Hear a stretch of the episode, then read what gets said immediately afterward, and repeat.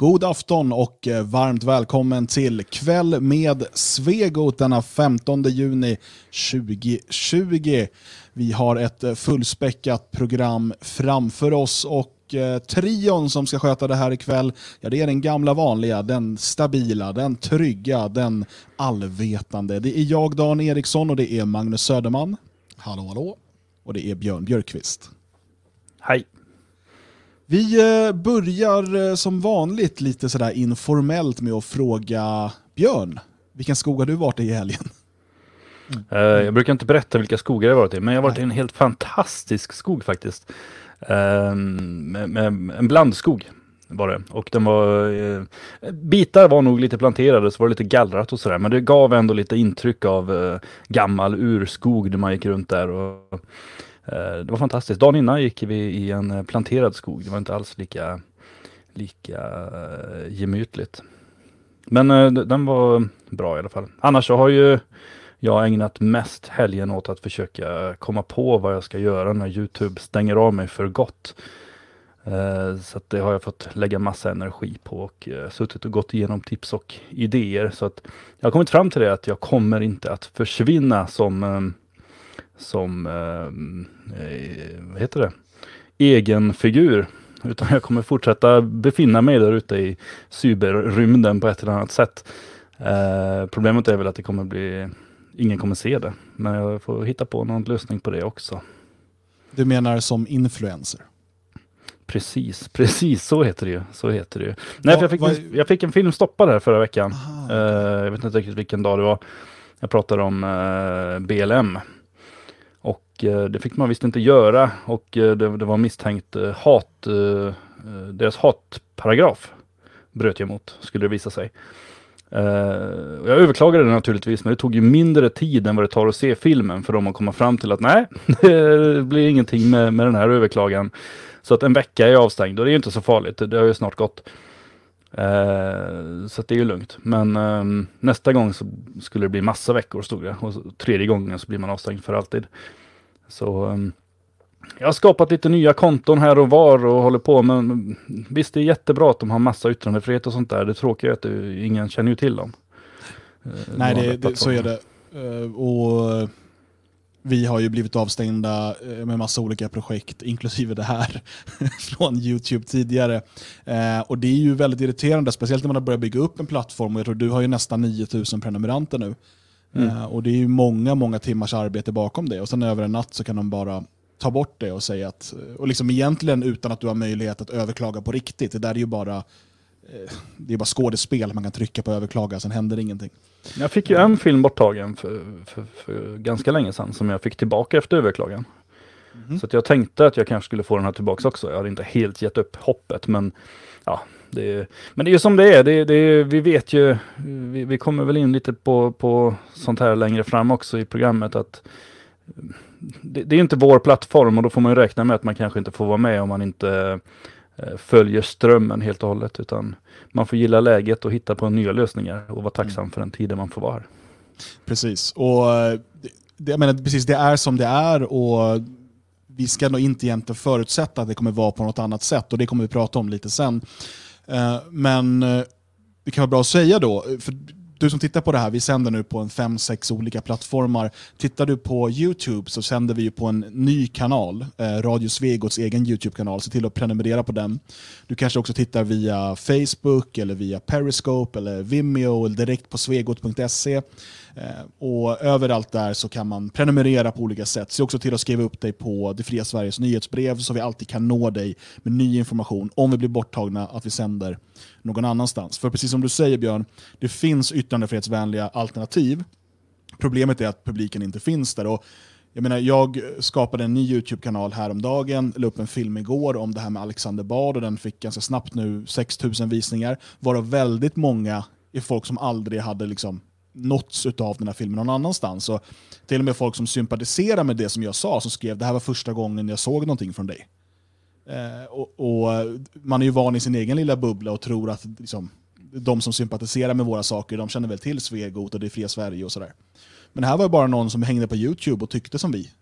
Eh, och av en slump fick upp det här som rekommendation. Och den möjligheten försvinner ju när man inte kan vara på YouTube. Det är därför vi fortsätter använda oss av YouTube och försöker följa reglerna. Eh, men det är omöjligt eftersom att de är sådana gummiparagrafer att ingen riktigt kan följa dem. Det blir väldigt... Nej, jag satt och läste igenom deras, eh, de hade en lång lista på exempel på det här kan vara brott mot hatparagraferna och det är till exempel om man uppmanar eh, lyssnarna att gå ut och spränga någonting.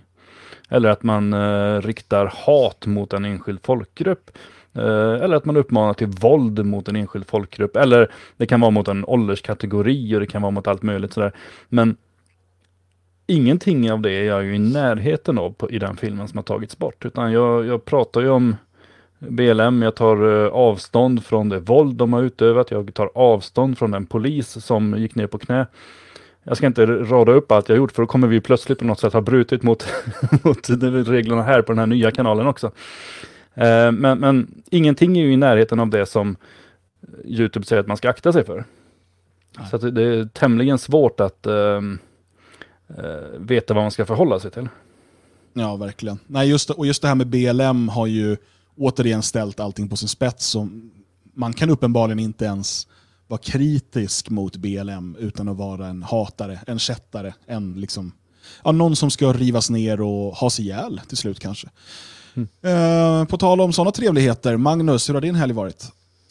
Eh, jo, eh, jag ska komma till det här alldeles strax. Men först vill jag eh, skicka ett stort tack här till Yggsten.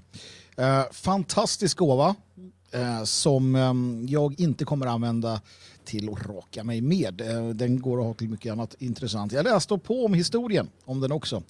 Och jag såg att det var en gurkasoldat som hade eh, avvärjat ett angrepp från 30 rövare med den.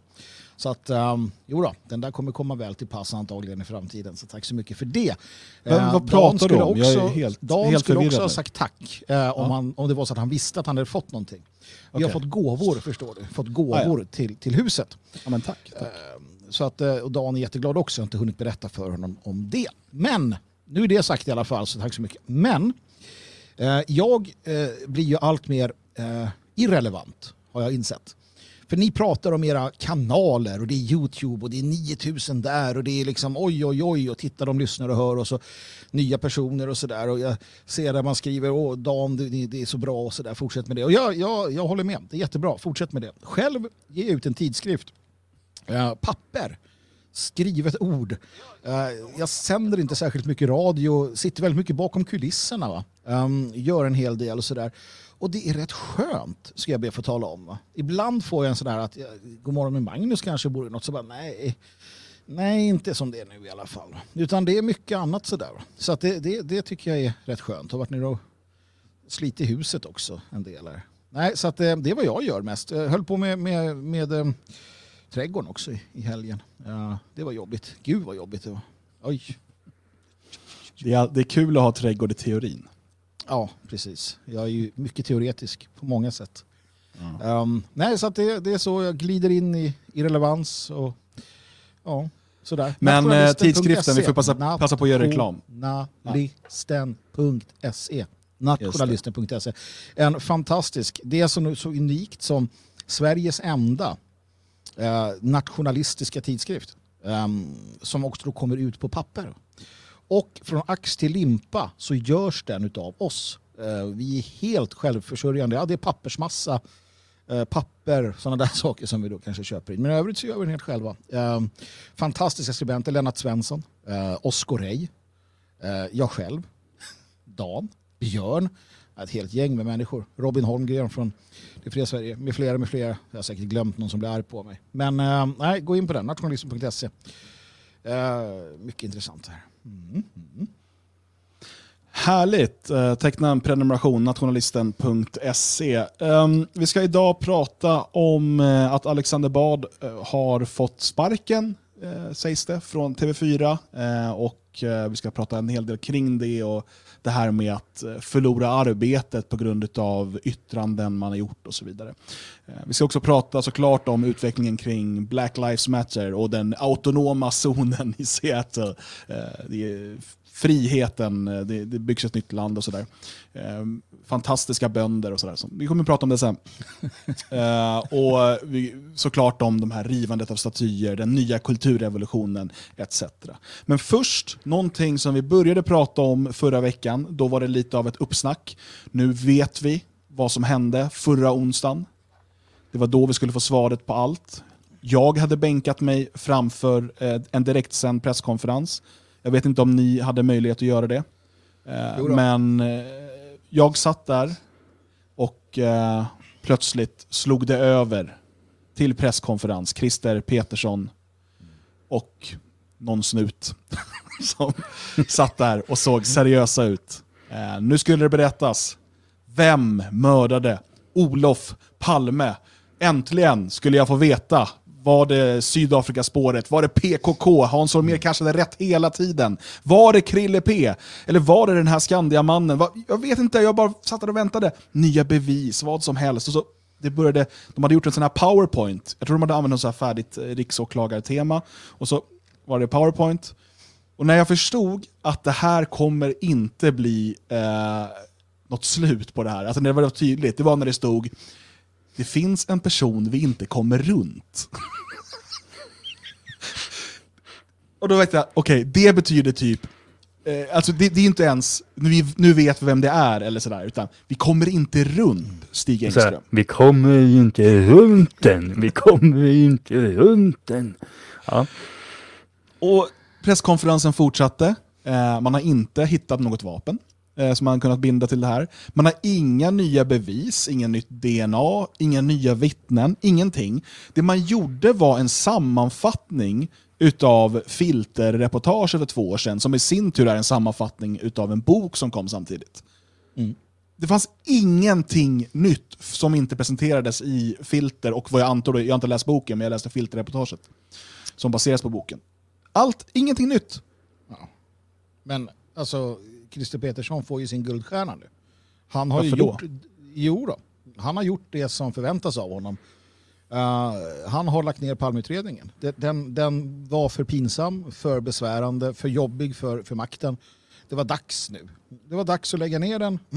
Man kan inte ha det här löjet som som konstant liksom gnager. Utan nu är den nedlagd, alla är överens om att det är Skandiamannen. Um, nej, då kan man säga så här, nej, ingen är överens om det. Ingen nej. är överens om det. Ge det fem, tio år. Majoriteten ja. av svenskarna ser det här som löst. Sen att det sitter en del fringe-personer och har sina bloggar och poddar och, och sådär. säg hundratusen svenskar som säger nej, nej, nej, nej, nej. Det skiter väl de i.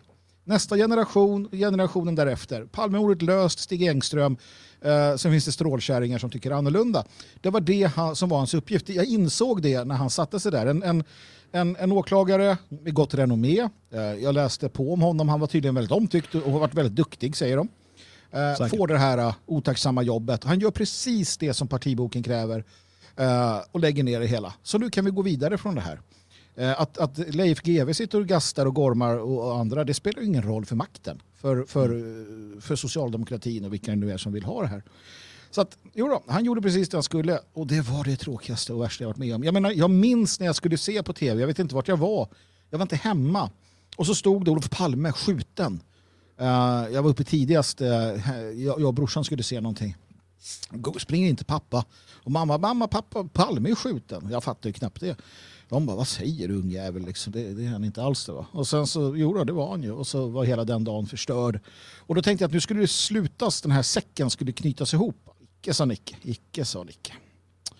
Så det var ett antiklimax av rang. Jag minns vad jag gjorde när Palme blev skjuten. Jag var där, eller jag, var, jag låg och sov, någonting. Men jag minns vad som hände när Palmemordet inte blev löst, men nedlagt. Mm. Nej, Björn, är du övertygad? Jag är övertygad om att palmutredningen är nedlagd.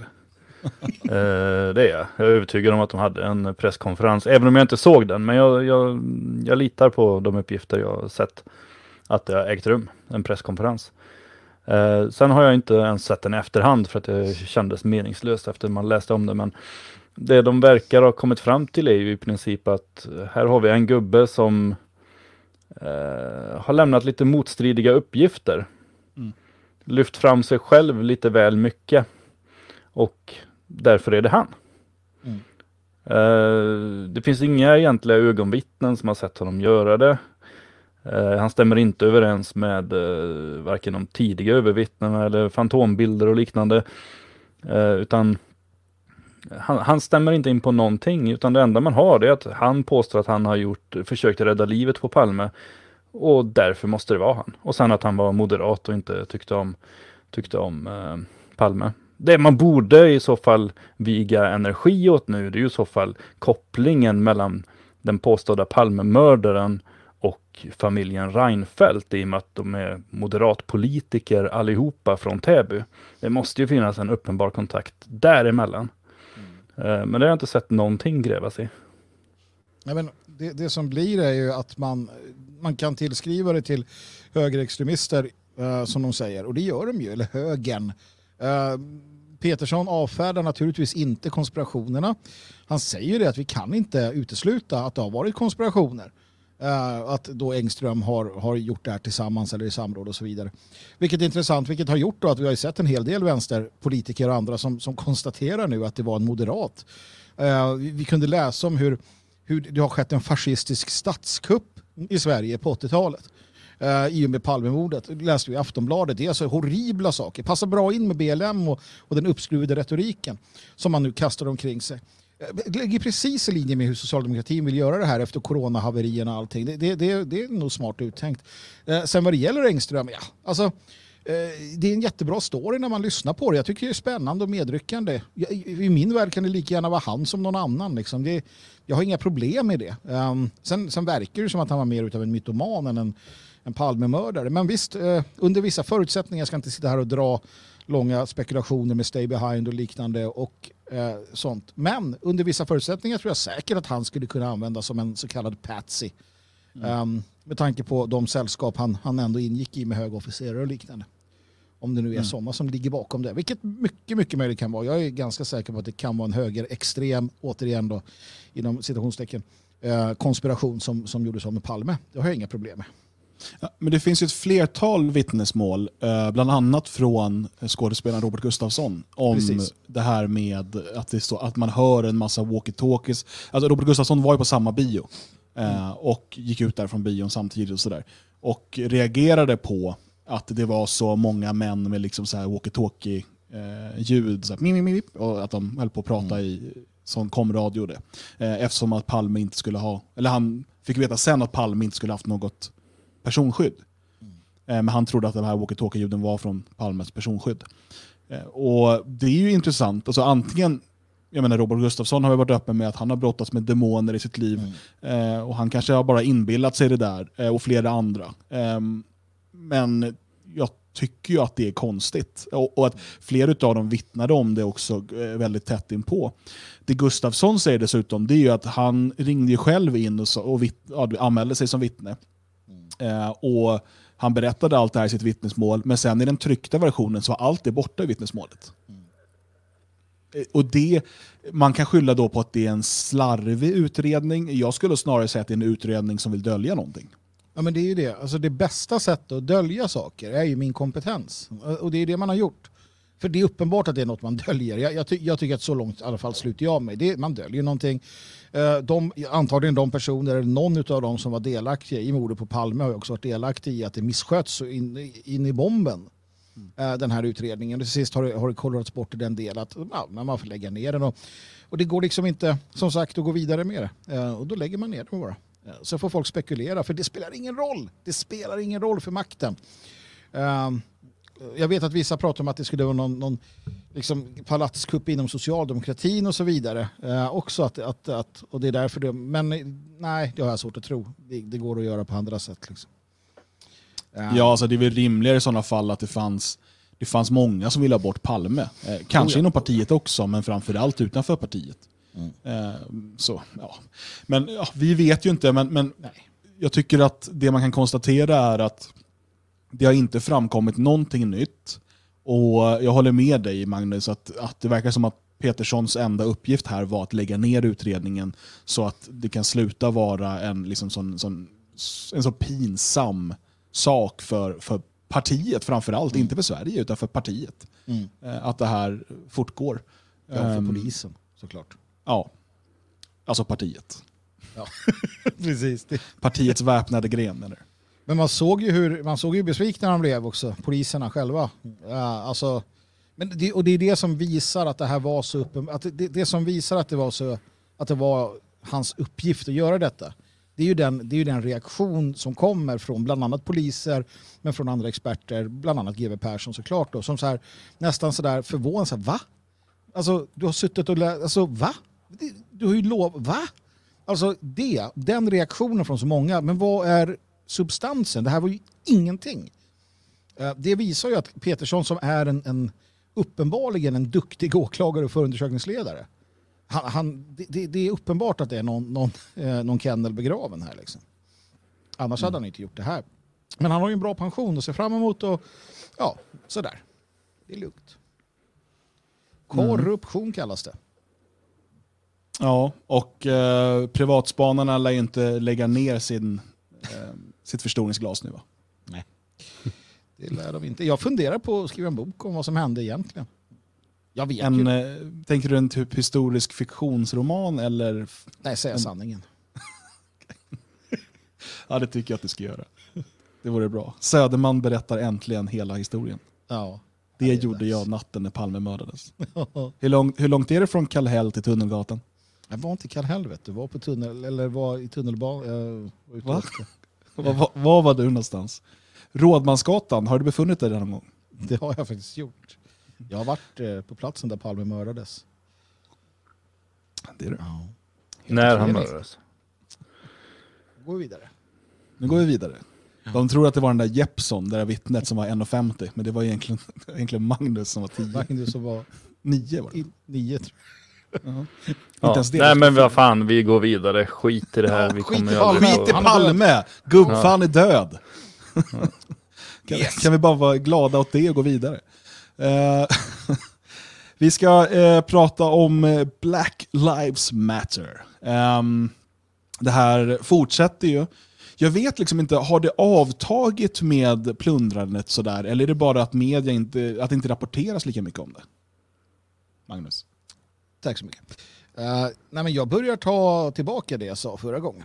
Uh, för att jag sa förra gången att, att det kanske, eller med största sannolikhet, kommer vara som det alltid har varit. Det händer och sen så tar det slut efter ett tag och sen så är det inget mer med det. Men alltså, det känns lite som nu, eh, nu som att, att det här kan på, på, pågå ett tag.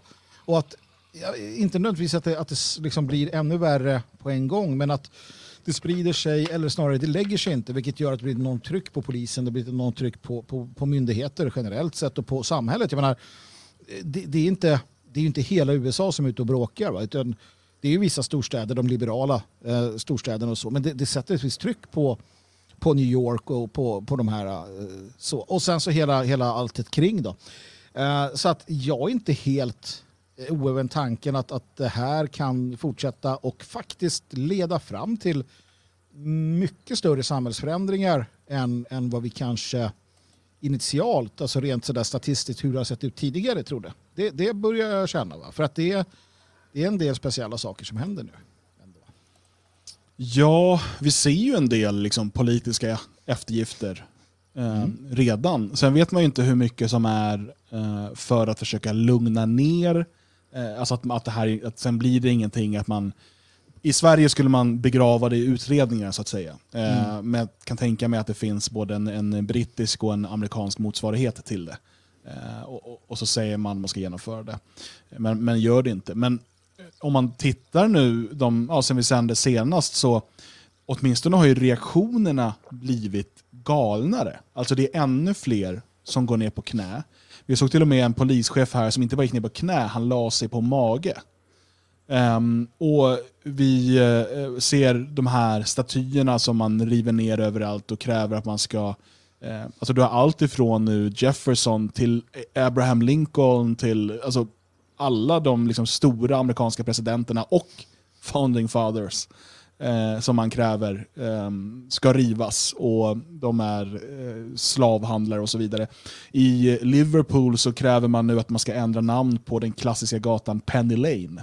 Mm. som ju Beatles gjorde känd för att den här ska då vara döpt efter någon, någon som var inblandad i slavhandel på något sätt. Eh, I Sverige pratar man om eh, Carl von Linné till exempel. Eh, och Det är ju en typ av maoistisk kulturrevolution eh, som man försöker, eh, försöker genomföra och som man tillåts genomföra. Och det är också intressant att följa eh, gammelmedia, hur de reagerar på det här. För att när eh, fotbollsgrabbar och andra går ut i Storbritannien för att eh, försvara Churchill-statyer och allt galet, eh, då skrivs det om ja, hur hemskt det är och våldsamt och dåligt och det här kommer ju sprida coronavirus och jättehemskt. Eh, Medan man kollar rubrikerna då när mångdubbelt fler svarta och antifanter och så vidare, när, när de är ute och plundrar butiker, då är det liksom fredlig protest för, fri, för frihet och jämlikhet och broderskap. Mm. Det, det, och det är ju där i det ligger eh, de, de stora skillnaderna. Alltså från hur det har sett ut tidigare och hur det ser ut idag. Bland annat hur du säger just hur, hur massmedia, då jag såg om det var CNN eller något av dem, med, med, en timmes, med en timmes diff så, så publicerar man dels en hyllning till att det var så många eh, eller jag har den här framför mig. Eh, läkare säger att eh, det är helt okej. Det är helt okej att, att eh, eh, demonstrera. Eh, eh, och sen en timme senare så, så skäller man och bråkar man då från samma tidning över att eh, man bryter covid-19 restriktionerna i London när det är då eh, vårt folk så att säga. Ja, så det är en sån där sak. Men, men annat som är eh, Eh, vi ska ju prata om Chaz eh, vad det lider här. Men det är också en sak som är lite unik. Eh, och framförallt att så många politiker ändå har tagit ställning för marodörerna. Ehm, och att, att eh, det, det liksom inte lägger sig någon sans över det hela. Um, och allting som dras med det här, det är som en, det är som en tsunami eller en lavin som, som böljar fram över västvärlden speciellt. Då. um, och bara drar med sig allt i sin, eh, drar med sig allting. Eh, och vart det slutar är svårt att säga. Det börjar kännas som att man kan få upp det till en sån här frenesi som gör att det, att det liksom snart är helt, det är okej att börja marscheta ner vita. Um, det går att ursäkta. Och jag menar faktiskt allvar att det går att ursäkta grova misshandlar. Um, eh, alternativt stoppa undan dem så att de inte syns. Va? För det, det gör man redan, men, men regelrätt, eh, regelrätta mord till exempel tror jag säkert man skulle kunna göra nu. För att det är så tokigt. Va? Hur ser du på utvecklingen här senaste veckan, Björn? Jag har inte hängt med jättemycket sista veckan i och med att eh, ja, man tittar ju på det som serveras sen. Men det verkar ju hålla igång ordentligt. Svenska politiker är inte ett dugg förvånade över hur de agerar utan det är ju en tävlan i eh, vem som är mest på deras sida. Liksom Folkpartiet har lagt ut någon eh, text eh, eller GIF-bild där med att eh, svarta liv räknas på olika sätt. Och, eh, alla politiker i princip är ju som en, en version av eh, Feministiskt initiativ och vad, vad man förväntar sig av dem. Det finns ju ingen sans i det hela utan det är ju ingen kritik mot angreppen mot uh, hela den vita världen utan det är ju bara hyllningar till de svarta och, och, och, och det här flummiga pratet om den här påstådda rasismen som man ser överallt, som ska finnas överallt men som man aldrig riktigt kan peka ut. Jag såg Expo hade något uh, uh, exempel på det där. Jag, jag hade funderingar på att göra en film på det där men sen försvann min Youtube-kanal. Um, där det första som tas upp i den här Expo-artikeln är det hemska faktum att en del svarta människor får höra att de pratar bra svenska. Där har vi ett tydligt exempel på rasismen i samhället. Sen tar de upp någon rapport som gjordes av något landsting. Jag försöker hitta artikeln här nu men eh, strunt samma. Det, det var något landsting som hade tagit fram fakta då om att färre svarta eh, avancerade i, i- sitt yrke och hade lägre lön och liknande. Och då var då slutsatsen att det beror, beror på rasism, strukturell rasism och diskriminering.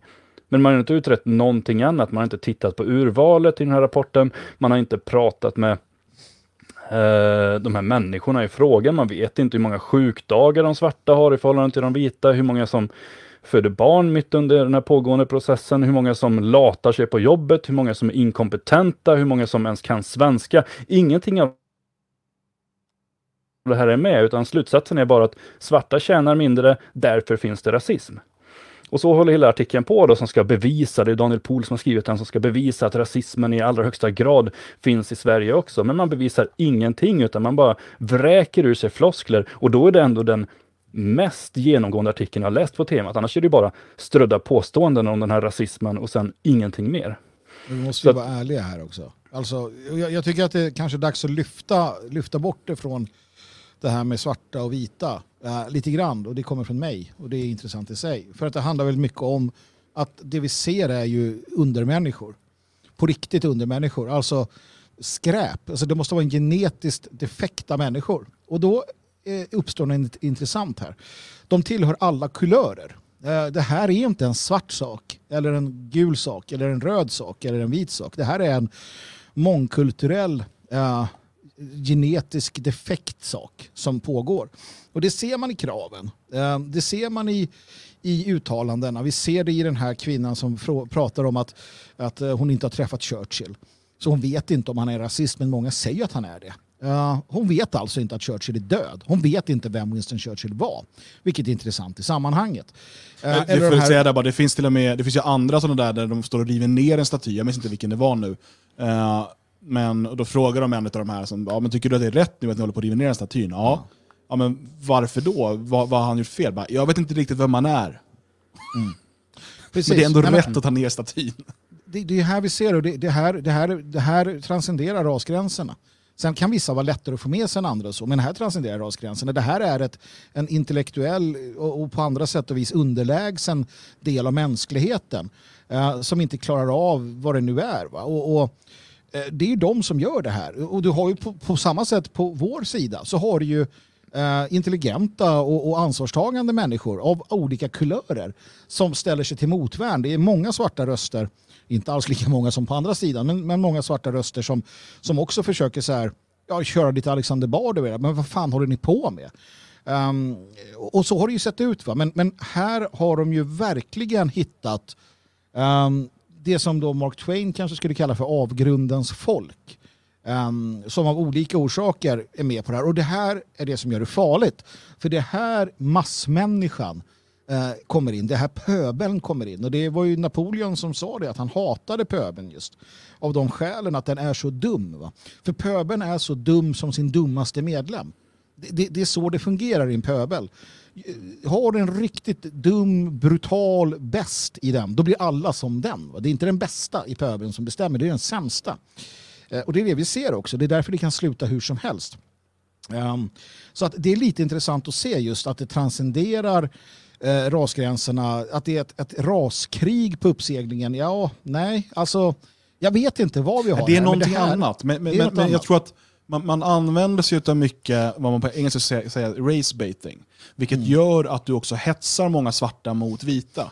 Eh, på ett sätt som gör att du, alltså inte ett raskrig, men det är absolut i liksom antivita eh, progromer av olika slag. och mm. sådär. Alltså kom, liksom det kommer ur, ur, det.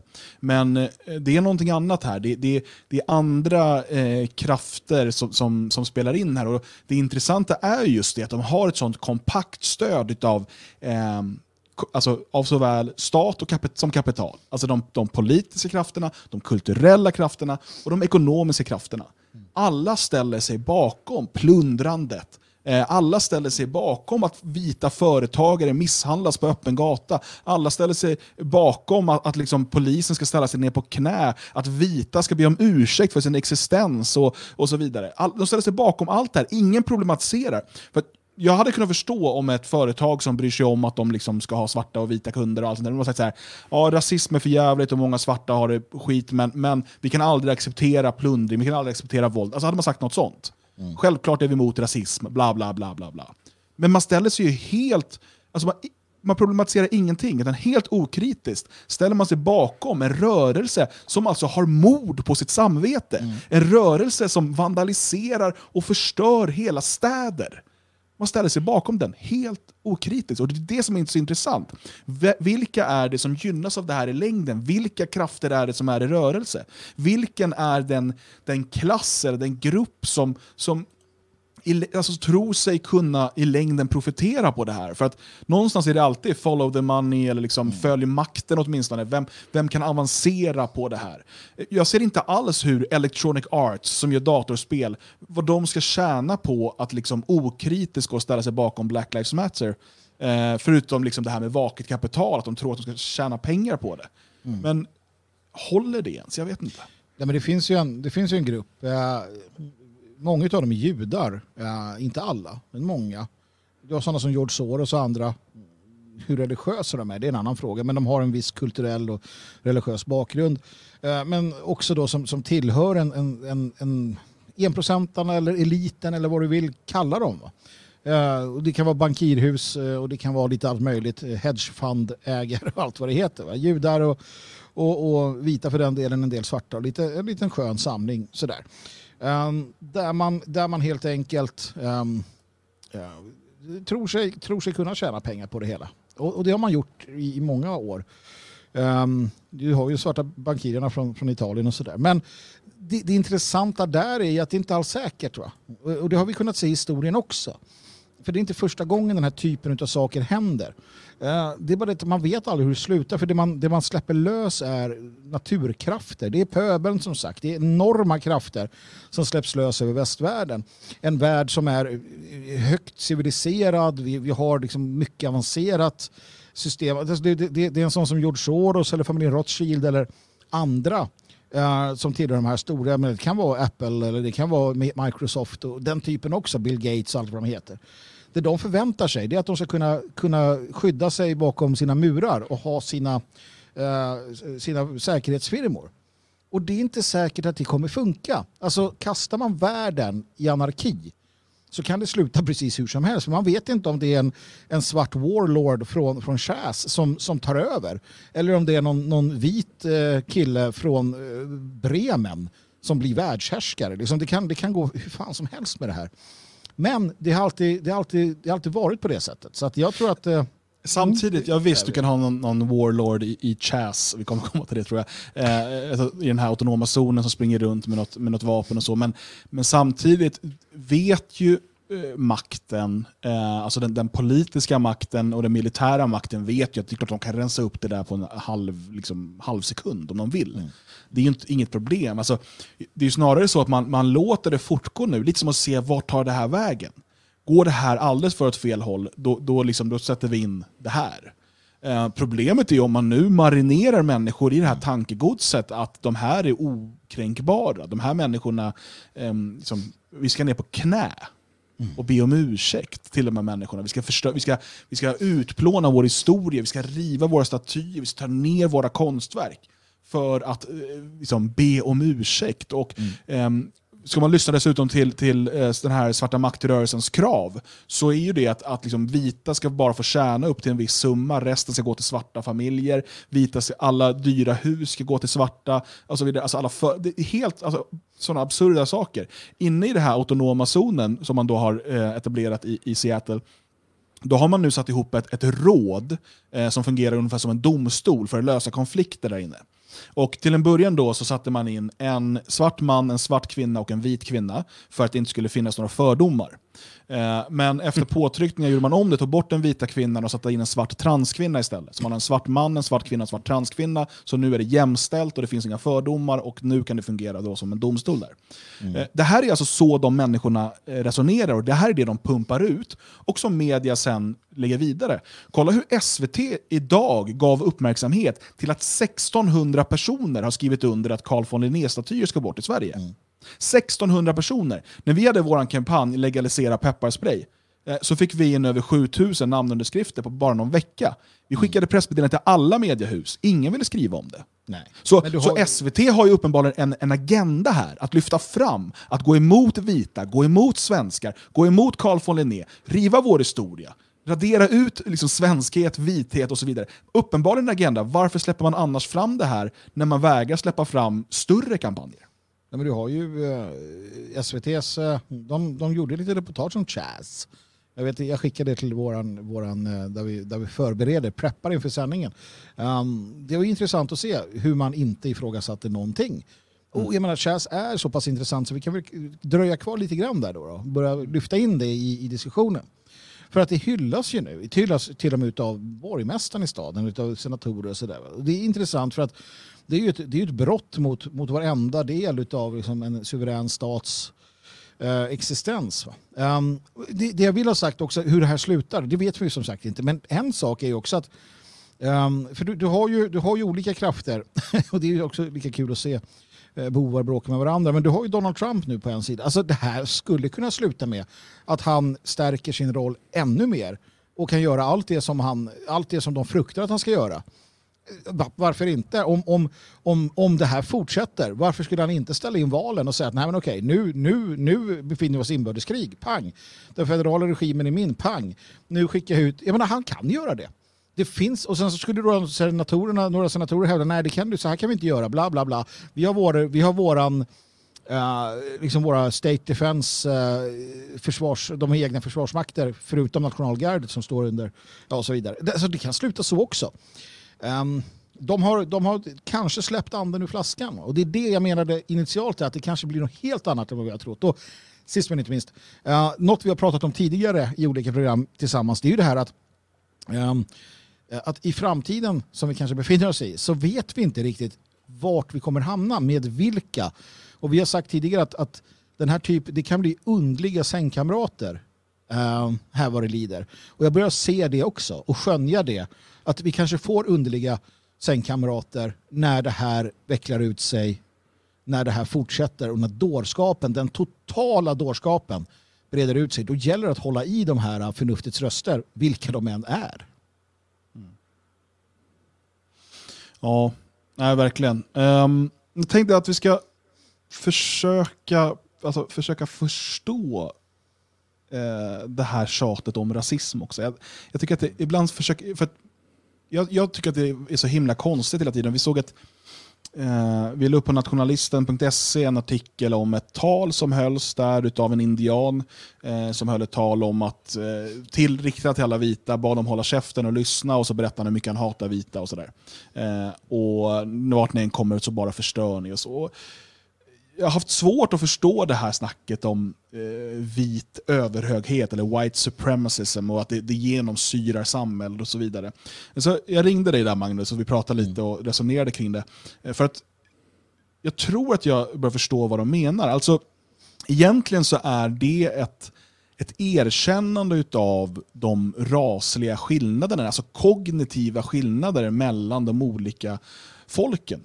Eh, för att så som, som jag förstår det, och när man lyssnar på hans tal och man försöker läsa lite av deras teorier, så är det så att eh, indianer då till exempel, eller amerikansk ursprungsbefolkning, eh, de lever på ett visst sätt och, och liksom enligt sin kultur och så vidare. Svarta, olika stammar, de, de lever liksom på ett visst sätt. Eh, Medan vita, vi har vårt sätt att leva, vårt sätt att bygga civilisation. Och saken är att en del av vår civilisation, en del av alltså resultatet av den här faustiska anden som vi har, där vi hela tiden vill upptäcka, utvidga, se vad som är bortom, eh, bortom krönet och så vidare. Det är att vi sprider vår civilisation. Och Vi kommer då till områden där andra raser och andra folk bor och sprider vår civilisation dit. Vi ser det ofta som en god gärning. Vi ser det som att men titta, ni, vi liksom ordnar, ordnar städer och kollar ett, ett, ett, ett, ett logiskt juridiskt system och vi eh, har liksom fungerande lokaltrafik och folk står i kö och man lever så här och det är ordning och reda och så vidare. Så som vita människor bygger civilisation.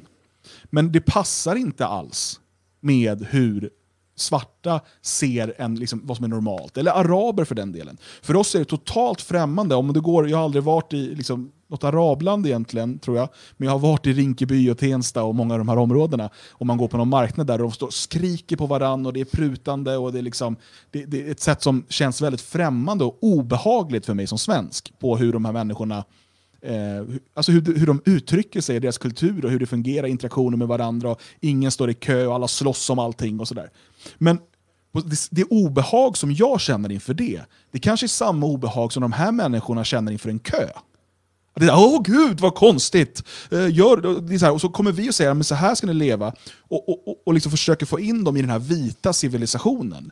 Och det är det, när de pratar om, och det, det är så här man, när jag försöker läsa deras teorier och försöker förstå dem, det är det här de menar. Att vi då försöker tvinga på dem det vita levnadssättet som inte alls passar med hur de vill leva.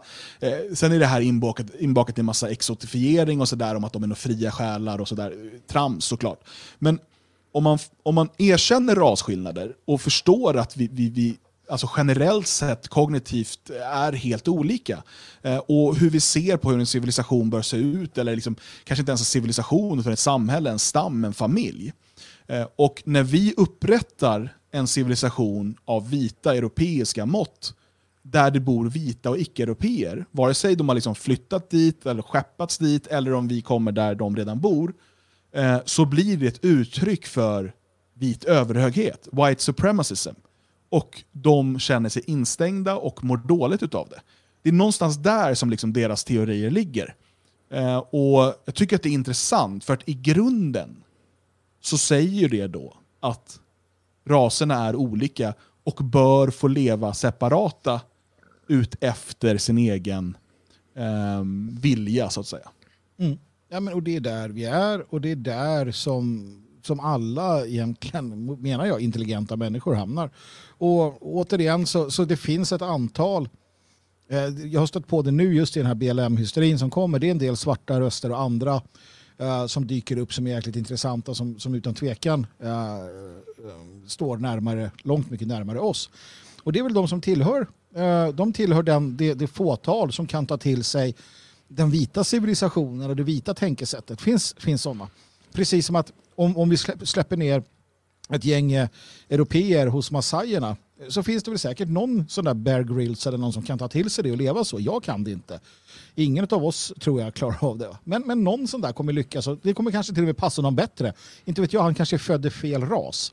Uh, men, men det är undantaget som bekräftar regeln. Va? Och så där har det ju naturligt fungerat genom historien.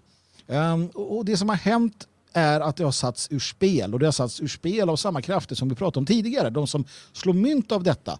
Uh, en del internationella bankhus och andra uh, som, som har sett chansen att, uh, att kunna skapa då en ny mänsklighet där de kan vara bossarna helt enkelt. För de klarar inte av det i en naturlig värld utan de kräver, det krävs en onaturlig värld. Och där, där hamnar vi. Ja, mm. Så att, oh, nej, jag håller med där. Jag vet inte vad Björnen tycker. Ja, nej, men jag köper väl eh, resonemanget. Eh, absolut, jag tycker ju att, att eh, de stora misstagen i, i den vita rasens historia handlar ju om hur vi har ehm, eh, tagit oss till, till deras platser och försökt göra dem till oss. Oavsett om det handlar om tidiga upptäcktsresanden eller om det handlar om senare eh, kolonisatörer så är det ju såklart ett bekymmer att vi har försökt eh, påverka dem till att bli oss. Därför att det kan de inte bli. Uh, och det ställer till det. Det ställer till det enormt mycket. Och likadant de amerikanska uh, företagarna som åkte till Afrika och upptäckte att hej, här säljer man ju svarta människor som vi kan använda. Och så köpte man dem och tog dem till Amerika. Så småningom försökte man ju rätta till det och ge uh, ett land till afrikanerna där man sa att ni kan flytta dit. Men det var inte speciellt många som eh, föll för frestelsen utan de gillade ju ändå läget på något sätt och ville eh, vara kvar i Amerika. Eh, mm. Det land då som skulle ha förtryckt dem så extremt mycket. Eh, så det säger också någonting om, om den verklighet som ändå fanns. Att, att trots att de hade varit förslavade så stannade de hellre kvar än att åka tillbaka och få bygga ett eget land. Kanske för att de tvivlade lite på förmågan att verkligen klara av att bygga ett land. Men det är ju fritt fram nu också ju. Ghana va? Var det Ghana eller? Ja, Ghana har erbjudit dem att komma hem. Ghana säger ju, de säger kom hit, alla ni som lever i förtryck i väst, kom hit, hjälp till att bygga ett land. Mm. Ingen jävel av de här BLM-arna vill dit. De vill ju inte dit. De vill leva Um, de, de, kan leva i rännstenen. Jag, jag tittar ju på hur de ser ut. Det är ju vanskapta missfoster, i princip allihopa. Det finns inga vackra människor där, oavsett hudfärg. De ser för jävliga ut. De, de, de, de beter sig som djur. Eh, man kan säga att det är elakt mot djuren, men nej, det, alltså vi har, det finns människor, det finns djur. Man beter sig som djur. Uh, det, det, är som en amöba, en, en en, en, en olustig eh, sån här eh, samling kulörer som rör sig på ett sinnessjukt sätt va? och bara sprider kaos och elände. Det är någonting sataniskt över det hela. Ja, och, och, och, och de, vill inte ha ordning. De vill, inte ha, de vill, de vill suga ut det sista av ett system som de eh, inser att de aldrig kan leva upp till. Och Det gäller också de här vita värdelösa kräken som vet att de aldrig kommer kunna lyfta en, en, en, en, en telefonstolpe och bära. De kommer aldrig klara av ett riktigt arbete om vi ska kalla det för det.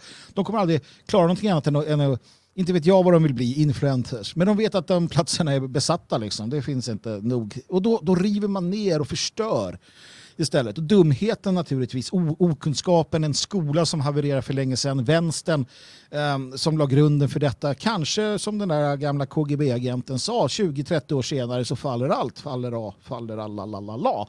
Eh, och det är där vi är. Um, och, och, och Men du fattar att du kommer det... få käka upp det här. Allt det här kommer du få käka upp nu när vi har ett land som byggs mitt i USA. Ja. Det, som kommer att bevisa. Uh, det, och det är därför jag känner att, att det gamla systemet, Watts-kravallerna, det gamla systemet kunde stå emot. Uh, under LA, det gamla systemet stod emot. Uh, under, under Ferguson, det gamla systemet stod emot. Men nu, nej, de har gått i pension. Människor men, precis, men det finns ju, ja, det... och, och det finns ju helt klart någonting här om att eh, liksom äta, äta kakan och ha den kvar och så vidare.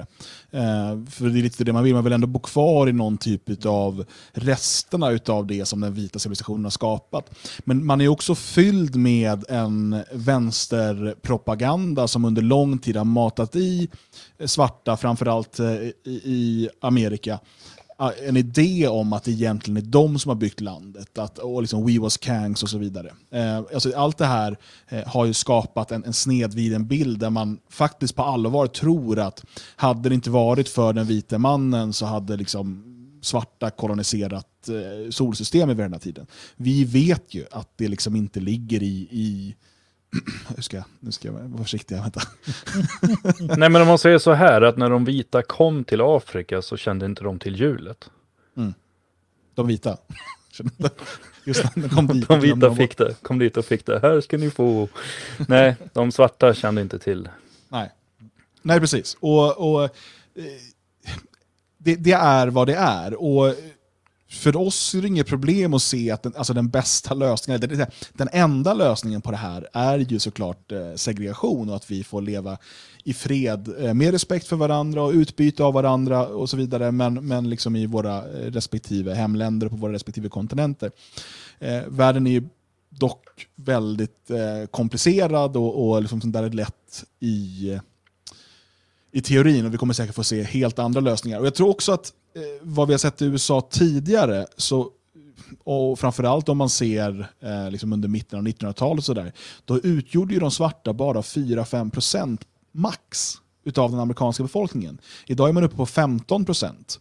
Eh, till dess har ju en jättestor hispanics-befolkning. Eh, men svarta är ungefär 15 procent. Och du hamnar också i en annan problematik då, för det är ju så att man med 3, någonstans ändå så här, ja, men vi är arbetslösa i högre utsträckning. De svarta hade för sig mindre problem då med skilsmässor. Det hade vita också för den delen. Mindre problem med kriminalitet och mindre problem med droger. Allt sånt där som har kommit senare med liksom den här eh, smutsiga MTV-kulturen med gangsterrap och glorifierandet av en kriminell livsstil som har under lång tid eh, riktat sig nästan enbart till svarta. Numera riktar den sig till vita och all, alla möjliga, men under lång tid så var det liksom siktet inställt på svarta ungdomar eh, glorifierandet av en, av en kriminell eh, livsstil.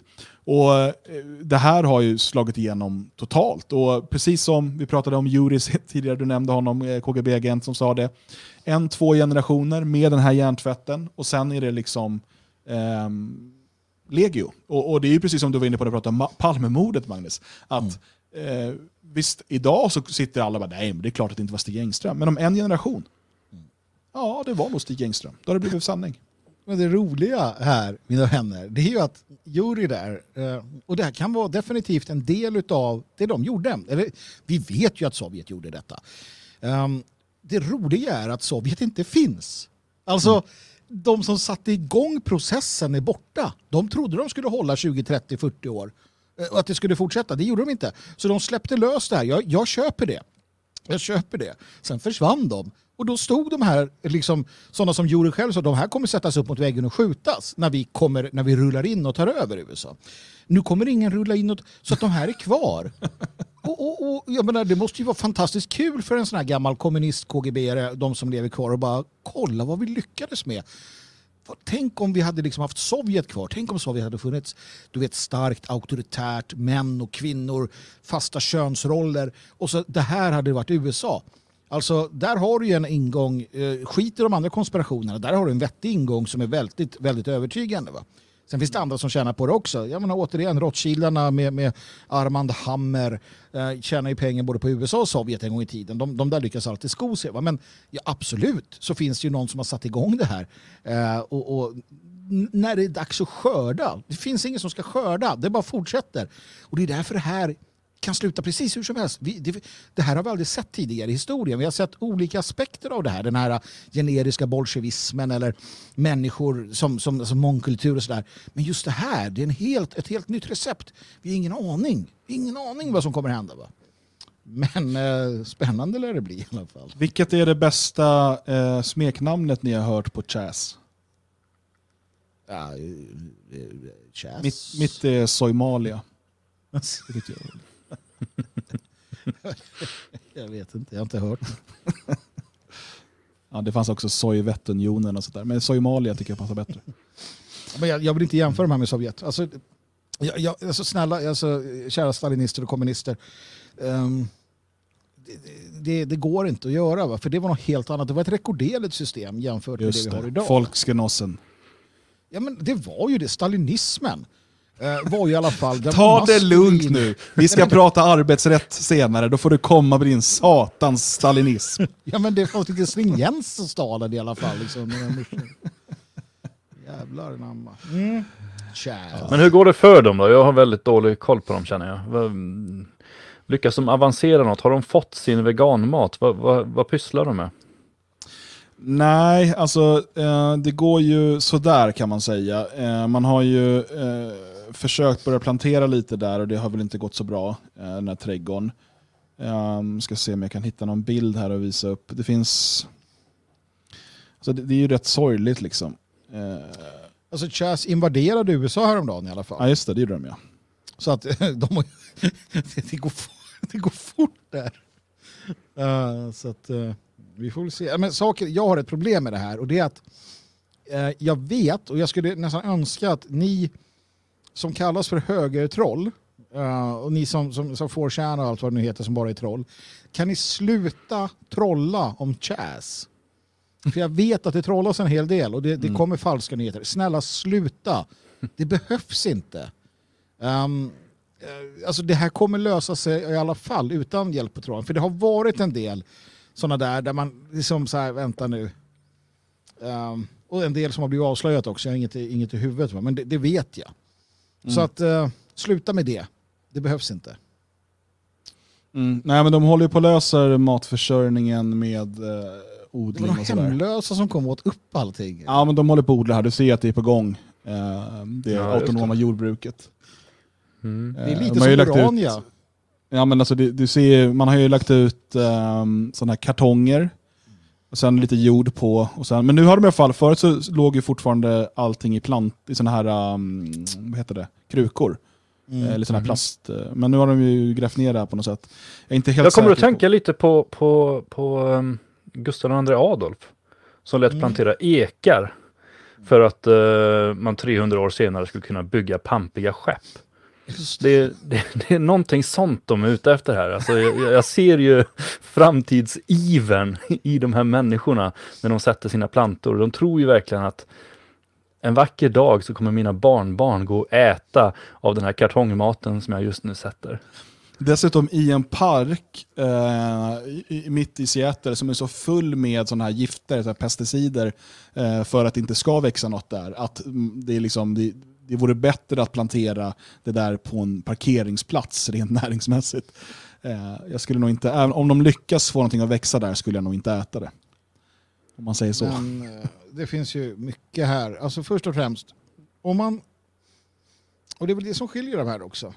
I, i, vid de tillfällen då vår sida, mer eller mindre vår sida, alternativt andra som har tagit det på allvar har velat liksom skilja sig från världen. Som man gjort som mormonerna till exempel, som var inblandade i ett inbördeskrig med den federala regimen en gång i tiden. Eller som amish, man, man drar iväg. Va? Man flyttar dit ingen annan vill vara. Och så, så sätter man igång och bygger lite som markens gröda. Uh, vi har haft våra exempel också, lite mindre då. Vi hade ju, vi hade ju Freeman uh, i, uh, för några år sedan. Vi hade, vi hade Ruby Ridge, vi hade Waco naturligtvis. Vi hade många sådana här exempel på, på folk som har velat dra sig undan. Det är alltid slut med att den federala regimen kliver in och skjuter ihjäl en massa människor, bränner upp barn och sådär. Uh, lille Sam, Sam Weaver, 14 år gammal, skjuten i ryggen för att mamma och pappa ville bo långt borta från all, all jävla dekadens. Va? Men Chas får vara kvar såklart. Uh, men de vill ju vara i storstäderna. Det är ju det. De vill vara i städerna. Och när de tar och, och skapar sin autonoma zon, de här fullständigt värdelösa människorna. För det är vad de är. Det är alltså, återigen, jag vill bara poängtera det. Den här BLM-rörelsen, alla de här människorna som ni ser, vita, svarta, gula, gröna, röda, det är skräp. Det är alltså på riktigt skräp. Det är sånt som Moder Jord skulle kunna svälja och allt skulle bara bli bättre. Eh, de här kommer aldrig kunna bidra med någonting vettigt till någon civilisation, vare sin egen eller någon annan. Alltså de här är, det här är helt värdelöst. Men de här människorna i alla fall, de vill ju vara i storstäderna. Och när de väl får kontroll, vad gör de då? Jo, de slår sönder, de sprayar, förfular eh, och, och, bara kaosar ner. Va? Vilket då hör ihop med att de är skräp. De kan inte bygga vackert. De kan bara riva ner och sen så går det så långt så att det inte finns något mer att riva. Och vad händer då? Och det är det vi väntar på vad det gäller Chas. Och återigen, Stalin, han kunde bygga. Va? På, på, på benknotorna av folk så kunde han bygga stora städer och kolchoser och maskiner. Va? De här kan inte ens göra det. Alltså det är så dåliga människor. Och tänk, om, ju... tänk om de skulle få barn. Jag vet inte vad det skulle bli. Om man, om man jämför med, med eh, Danmark då, Christiania, det började ju på ett liknande sätt. Att man tog över en stadsdel och ja.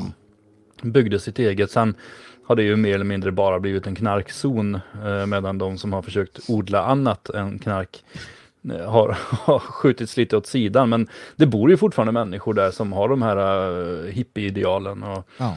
Uh, mer tycker att ja, men knarket får väl vara här för att annars så är vi ju inte principfasta, men som egentligen tycker det är ganska olyckligt. Mm. Uh, de, de, har ju en egen, nu vet jag inte, men tidigare har de ju haft egen barnomsorg och egen skola och uh, egna företag och drivit på så här. Skulle de här människorna kunna bygga något liknande på sikt. Just nu så vill de ju bara rasera, men på sikt skulle det kunna bli en e- egen stadsdel med hippies. Jag tror inte det, för att skillnaden här är ju också att, att det är liksom mitt i stan. Alltså det är, Christiania, eh, eller Kristianshavn, är ju alltså hamndel i Köpenhamn. Eh, och det fanns ju visserligen en del fastigheter där redan då, men inte speciellt mycket. Det här är ju här är ett flertal företagare som inte vill ha någonting med det här att göra. Det, det är liksom, man har ju tagit över en polisstation och så vidare. Jag, jag tror inte det, utan det här kommer eh, säkert gå över på ett eller annat sätt. Eh, men mycket kommer vara förstört då. Jag tror inte man kan bygga jag tror inte man kan bygga ett Christiania där. Eh, jag vet inte ens om liksom, viljan finns till det. det. Man verkar inte riktigt veta om man, om man vill förstöra eller bygga någonting. För det kan jag ändå tänka mig, utan att ha helt på fötterna, att i Christiania så ville man åtminstone bygga någonting. Ja, men alltså, vänta nu, Christiania i, i Köpenhamn, 1971. Hippisarna på den tiden var ju övermänniskor jämfört med de här människorna vi pratar om i Chas och i BLM och allt vad det heter. De var ju, det här var ju formidabla människor som skapade någonting. Hade en vision, de ville röka lite gräs också. Uh, sen har ju det där fallerat över tid, va? men det har ju upprätthållits av vad? Vita människor, vita danskar, hippies förvisso. Och sen så kom vissa gäng in och upprätthöll lite ordning och reda och sådär. Uh, det är ju på senare tid som det har gått överstyr, bland annat med mångkultur och massinvandring. Funkar inte Christiania heller. Va? Mm. Kan överleva på ett enda sätt och det är med subsidier från staten, eller från staden. Och som det ser ut nu så tycker ju borgmästaren att det här är en genialisk idé. Vilket är helt absurt för att det vi ser är alltså hur, hur autonoma, militanta, eh, eh, liksom vad det nu är för någonting, tar över en del av en stad, börjar ta ut skatt av människor som bor där, trakasserar lokalbefolkningen och, och, och, och den som har makten eh, nominellt säger att det här ska vi låta vara. Eh, det, det är sånt svek mot, mot medborgarna och att den där jävla president Trump inte gör någonting åt det. Um, det, det är för mig det är en skamfläck. Om, om någonsin jag varit uppretad över den karn så är det ju nu alltså. Mm, jag tror han håller på och väger möjligheterna och se, alltså, det, det, är svårt att veta vad kommer han tjäna mest på. Han har ett val att, att ta hänsyn till. Jo, det är ju det. Just Men det. att, alltså, och, och, problemet i USA är ju att eftersom att du har de här, eh, det här elektorsystemet där eh, som gör att han har ju vissa stater han är säker på och det är där han kommer, skulle han gå in hårt nu i till exempel Seattle och andra liberala städer mm. så skulle han med sannolikhet förlora många swing states mm. eh, i nästa val. Eh, Medan han skulle stärka stödet, kanske till och med procentuellt eller liksom i antal röster, för han skulle få mycket större stöd ifrån eh, så kallade flyover states, eller liksom centrala eh, USA och sådär. Eh, för, för där, där vill man ha ett slut på det här, man, man tycker att det är för jävligt. Eh, men jag kan tänka mig att i de, de stater där det står och väger och som är avgörande för att vinna presidentvalet, där eh, kan det bli svårare alltså för honom. Eh, om, om man går in hårt. Vi ska inte glömma bort här att det är lite besvärligt. Alltså, det är inte helt klart vad får presidenten göra och inte göra. Många tror att han är någon form av enväldig diktator. Det är han icke. Det, alltså det federala, alltså det, det, det, inte kommunala, det delstatliga självstyret är jättestort i USA. Um, och borgmästaren har mycket makt och så vidare. Och, och, jag menar, som sagt, det, kan kosta, det skulle kunna kosta väldigt mycket. Där har du impeachment som bara står och knackar på dörren om han skulle sända in federala uh, trupper. Jag menar, det var det senast, det senast var det Little Rock i Arkansas 60-talet när, när man tvångsintegrerade Uh, skolan där, uh, då, då de svarta skulle få gå i skolan. Och, och då, mm. då hade ju delstatssenatorn satt upp, alltså då, då stod det ju mellan då, delstatssenatorn satte upp uh, Eh, sin, sin eh, eh, vad heter det, nationalgardet. Och så skickade presidenten in första Airborne. och det, det, var ju, de stod ju på Frågan var ju, skulle det börja skjutas mellan de här? det gjorde det inte, utan man backade. Tyvärr. Ehm, och det är där man hamnar. va? och det, det, det ska gå väldigt långt eh, naturligtvis. Alltså, Trump kan ju alltid bara skylla på ja, men så här ser lagarna ut, så här ser det ut. Jag kan inte göra så här. Uh, här ser ni vad, vad som händer i de liberala delstaterna. Uh, och jag kan ju tänka mig att väldigt många som har stått och, och funderat fram och tillbaka känner att okej, okay, jag vill inte bo i en stad eller en delstat som styrs av en liberal. ärligt talat, när de ser det här som händer. Demokraterna kommer nog få problem med många också. Det är möjligt. Um, förra veckan så hade vi lite tekniska problem och kunde inte, jag kunde inte dela skärm, vi kunde inte kolla på videoklipp och sådär. Jag vill ändå att vi ska titta på uh, lite grann från Rashid Musas uh, eh, Black Lives Matter-tal. Uh, Rashid Musa är då alltså ordförande för Unga Muslimer i Sverige, vilket är en del av Muslimska brödraskapet. Och, och, Det är intressant med tanke på deras uttalade strategi om att underminera samhället inifrån och så vidare. Alltså icke-muslimska samhällen. Vilket är eh. sammanhanget? Varför säger han det vi ska få se? Eh, det är en, en, digital demonstration till stöd för Black Lives Matter. Eh, det är ett antal olika talare ehm, och original eller huvudsändningen sker utanför USAs ambassad. Och då håller han det här talet då som, som någon form av företrädare. Ehm, ska se om vi hör någonting. Det gör vi Vita syn på svarta har inte förändrats sedan den transatlantiska slavhandeln.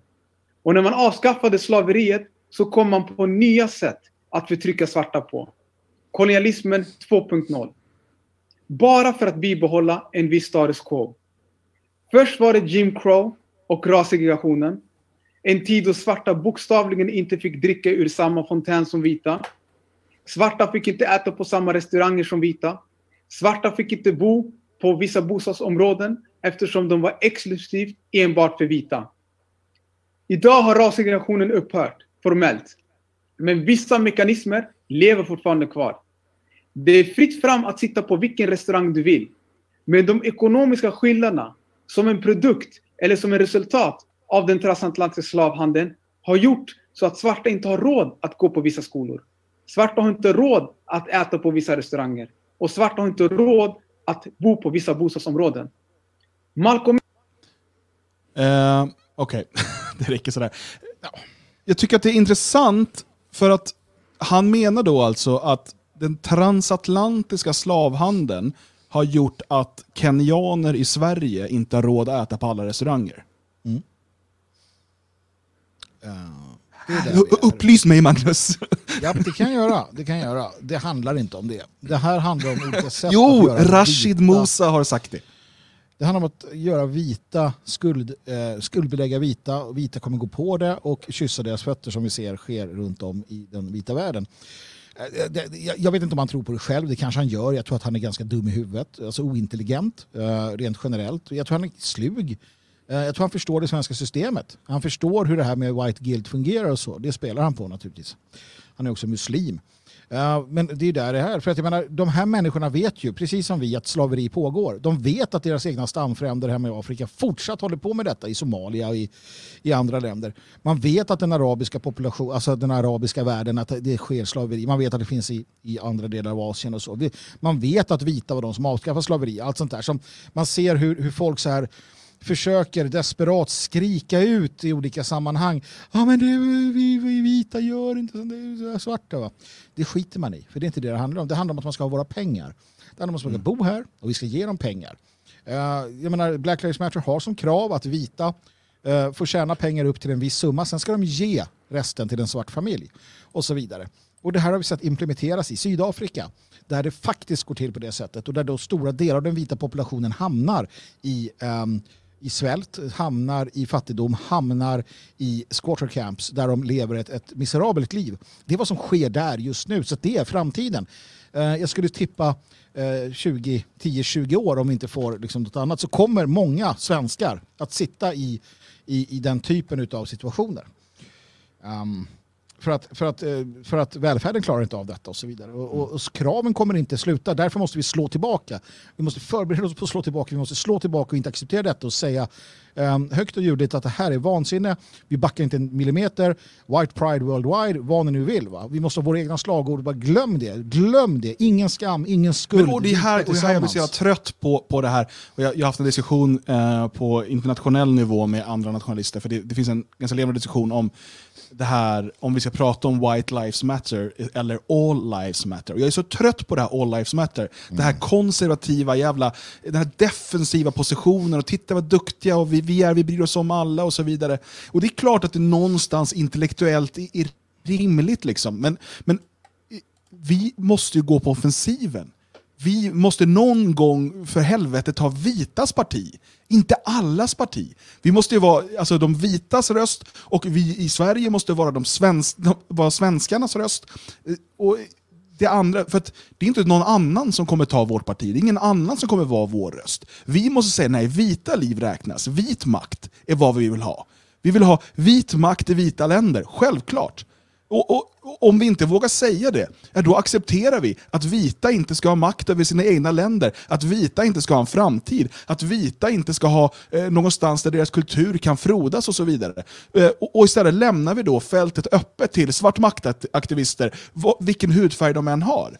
Att bedriva det här antivita kriget mot vår civilisation. Då måste vi våga stå upp och säga det. Och det, det är inte svårare än så. Eh, för att eh, det du säger är helt sant, helt rätt. Ehm, och det är ju här problematiken kommer in, för att skulle vita göra det så skulle vi helt plötsligt hamna i ett helt annat läge ganska snabbt också. För den delen. Eh, jag menar, det, här är, det här är väldigt mycket, vi testar och tar tummen så får vi se. Oj, det gick jättebra, nu tar vi resten av handen och så tar vi armen. Eh, för vi ger bort det här nu. Det är därför vi måste ha en unison röst som vi säger just de här sakerna. Ehm, och, och eh, det, det, det finns inga genvägar här. Det går inte att vara liksom anständig och, och eh, sådär. Ja, men den här svarta killen, han är ju bra. Och jag håller med, det finns jättemånga som har koll på detta. De får väl förstå också då i sådana fall. Är de så intelligenta så förstår de ju vad vi pratar om. Eh, för att Rashid Musa är väldigt tydlig och Black Lives Matter är tydlig. Om du stödjer detta, om du är för detta, du säger att allt utom att göra motstånd mot detta är att vilja att svenskar eller vita ska ge hälften av sin ekonomi, hälften av sina egendomar, hälften av allting till svarta som inte ska behöva göra någonting för det. De ska inte behöva arbeta, de ska inte, ingenting. De ska få. Vi ska gå in på knä för dem, vi ska kyssa deras fötter. Det är vad de kräver. Det är på riktigt vad de kräver. Det är vad de säger. Och Rashid Musa säger det också. Han ska kunna äta vart han vill och han ska få det av oss. Det är vad de kräver. Och de kommer inte sluta förrän de får det. Um, och det, det, det är där vi är. Va? Så att om du inte säger att du står upp för vita, för dig själv och ditt folk, då, då vill du ju detta. Och då kan, eh, då får du väl, då har du valt. Mm. Vi ska eh, ta en eh, musikpaus eh, och när vi är tillbaka så ska vi prata, det kommer fortsätta lite på det här temat, men vi kommer prata mer om Alexander Bard, eh, TV4 och eh, arbetsrätten blir det faktiskt eh, lite grann tal om. Och det hänger ihop med hela det här BLM-tramset. Um, ehm, så vi kör lite Carl Klang, I want to be an extremist, för att det passar sig väldigt bra till det här programmet så uh, hörs vi efteråt.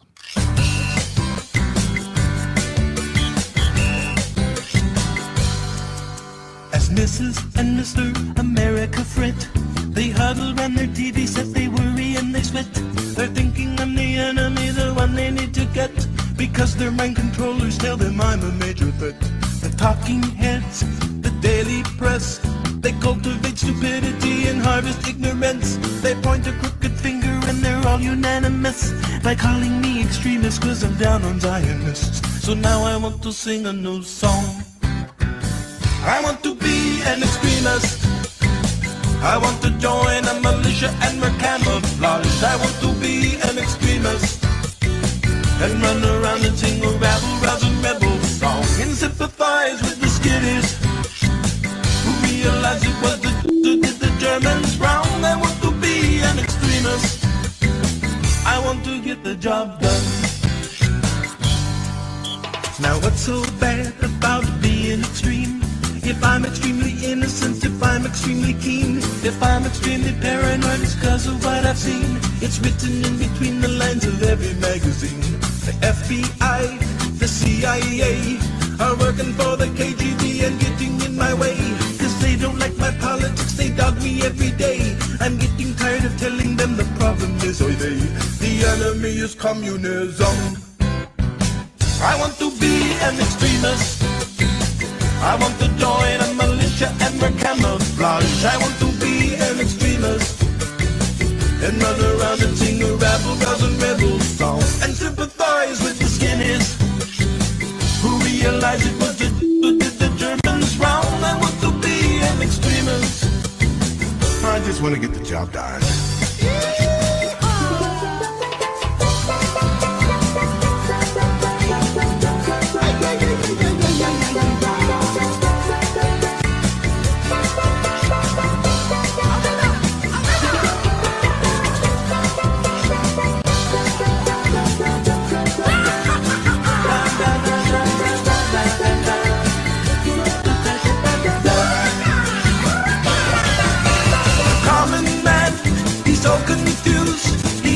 Know the truth, but all he gets is phony news. His state of mind is captured by the mob's opposing views. His only guarantee is that he surely be confused. Some may win, but most will lose.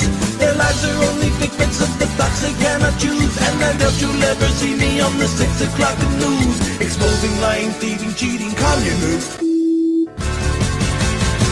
Who made me sing you this song? I want to be an extremist.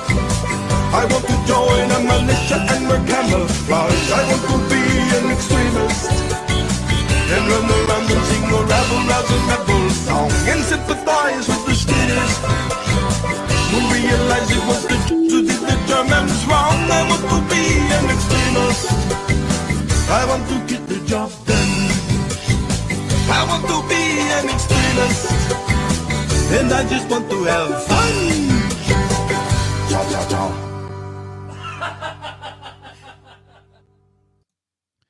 Nu har det visserligen varit så ett tag, men det är fortfarande lite förvånande. Och för tio år sedan hade jag nog aldrig trott det. Att på något sätt hamnar man på samma sida som Alexander Bard i ett kulturkrig. Ja, nej, det hade jag inte trott för ett tag sedan. Det hade jag inte.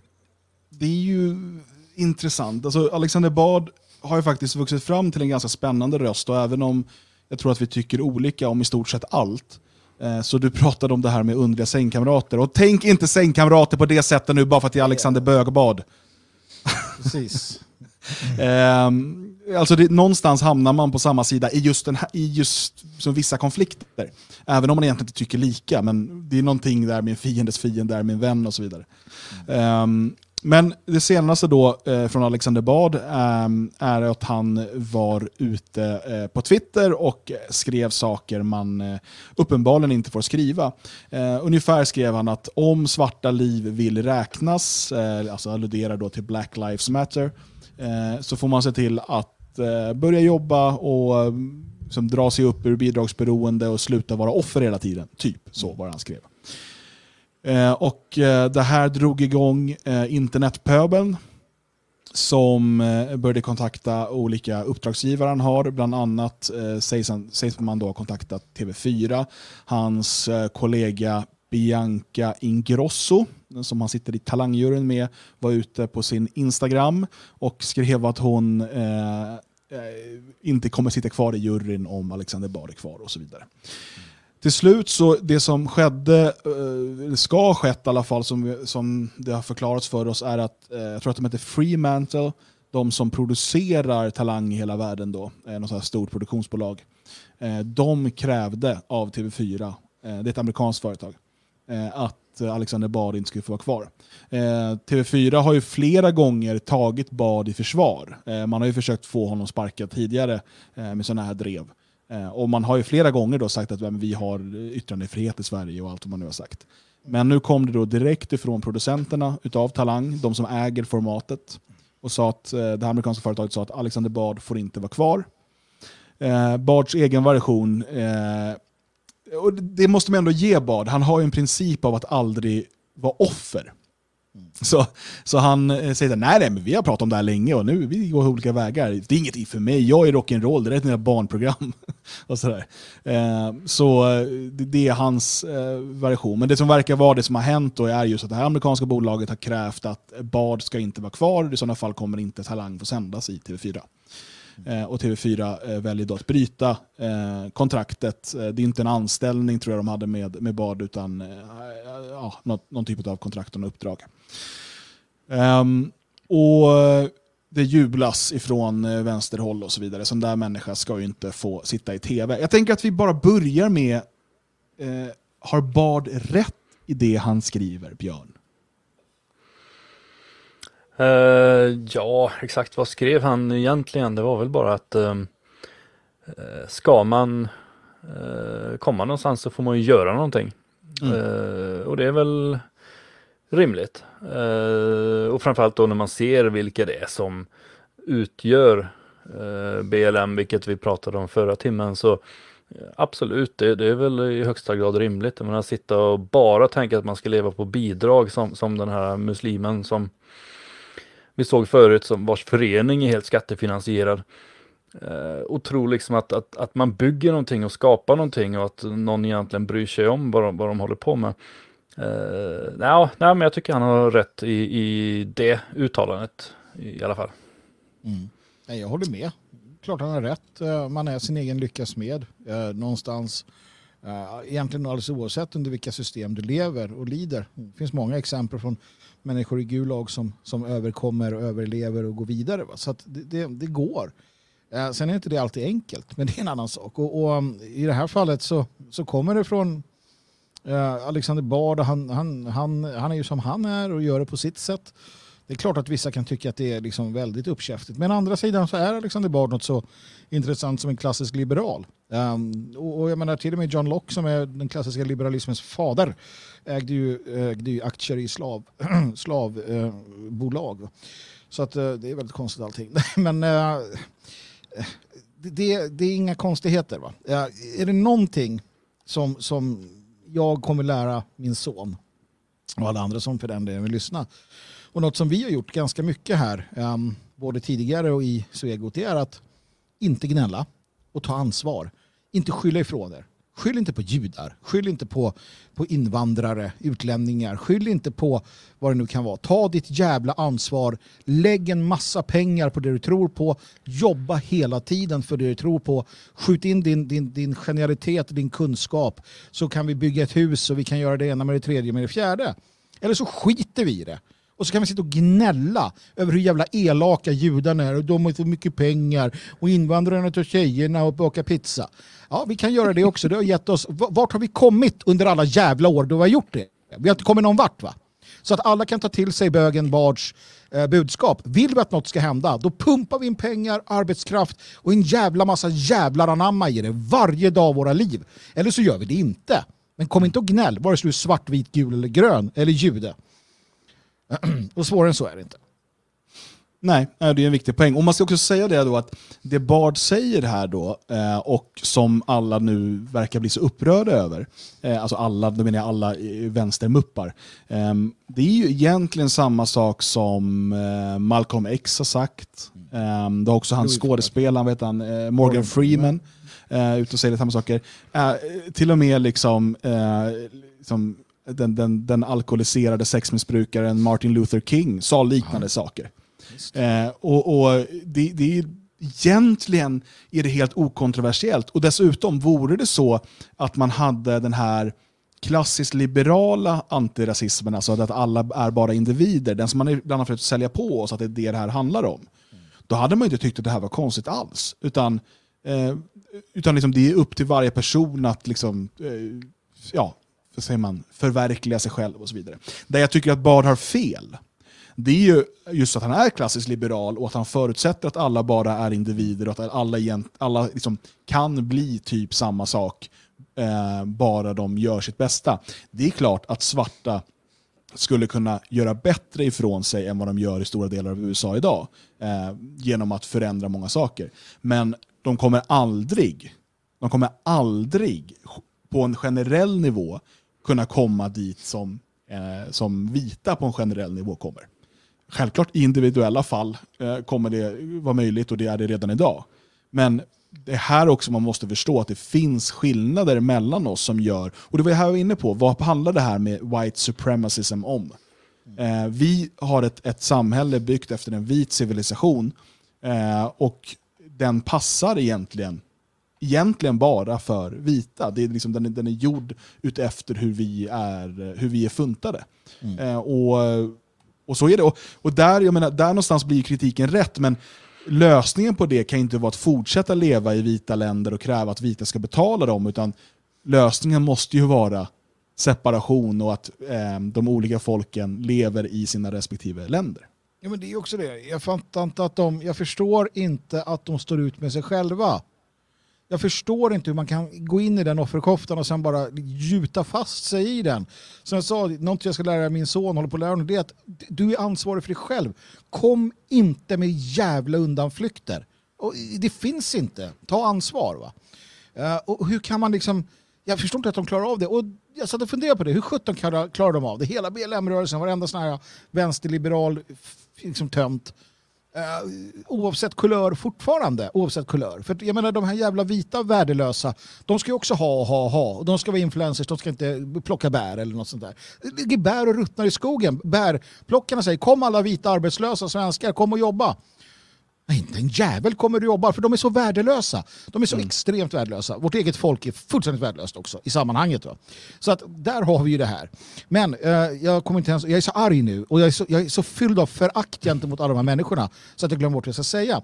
Men det jag vill ha sagt i alla fall att det finns inte några undanflykter. Eh, och hur klarar de av att leva med detta och bara stå där? Vi ska äta på samma restaurang, ge oss pengar. Hur fan kan de med? Jo, för att de är annorlunda de är annorlunda. En, den gamla goda stalinisten skulle aldrig ha gjort sådär. Han hade gått i gruvan och jobbat. Mm. Jo, vi, vi vet ju så generellt sett hur, om vi tar svenskar eh, som har levt i liksom samhällets absoluta periferi med massor av eh, problem och, och liksom ekonomisk utsatthet och sådär. Eh, som ändå generellt sett liksom inte velat ta emot allmosor i onödan förutom liksom i absolut sista fall. Fortfarande inte vill överbelasta liksom systemet, gå till läkaren i onödan, vara en börda för någon och så vidare. Det är en del av liksom hela vårt väsen. att försöka reda oss själva. Medan Rashid Musa eh, gormar om att eh, vita måste ge dem pengar så han får äta på dyra restauranger, annars är det liksom eh, rasism. Och Och det är en skillnad. Vad fan, jag, fan, jag är uppväxt, jag har hyfsat bra förhållande, men jag, kunde inte, jag kan inte gå och äta på restauranger. Vad fan, jag, det var inget Men det är för att de inte släpper in dig, men det är för att du luktar. Och, Ja, men liksom, vem då du, liksom, din gamla bajare? Vad fan? Jag är så jävla trött på att få det där tillskrivet till någon. Och, och då har de, precis som vänstern, den moderna vänstern, och så här, jaha, du trodde att arbetare var en person som arbetade? Nej, nej, nej, nej. Det är en person, har vi varit tvungna att komma på efterhand, som inte äger produktionsmedlen. Och samma sak här nu, så här. Men jag är vit heroinist, jag blev våldtagen som liten och stor och jag har inga pengar och jag äter liksom bor, bor under en bro. Ja men det, jaha du trodde att det hade att göra med, ja ja, nej nej. Utan vitt privilegium handlar inte om det. Utan det handlar bara om att vi säger att du har det och därför du skyllde oss. Eh, din, Ja, men här vet vi då att det vita, det vita privilegiumet ligger ju i att man lever i en vit, alltså en civilisation skapad av och egentligen för vita. Eh, sen har ju den förvridits nu såklart eh, och, liksom vita eh, diskrimineras på olika sätt genom kvoteringssystem och, och massa annat. Men det, det, det här teorin om det vita privilegiet ligger ju i att vi har skapat ett samhälle som bygger på vad de, de skulle säga då den vita synen. Men alltså vi vet ju att det här beror på att vi, vi fungerar olika. Och alltså, som sagt, hela lösningen på det här är ju att svarta får bygga sin svarta civilisation och vita bygger sin vita civilisation. Ehm, problemet som uppstår, för att det är lätt att hamna i någon så här etnopluralistisk hippie eh, liksom ideologi, det är ju någon gång så kommer det gå till en strid om resurser. Och då måste antingen vi och antingen måste vi ta utav de svartas land, eller så måste de svarta ta utav de vitas land. Eller så koloniserar vi rymden, eller alltihopa samtidigt. Där hamnar man till slut. Det är därför jag är lite allergisk mot hela den här etnopluralismen.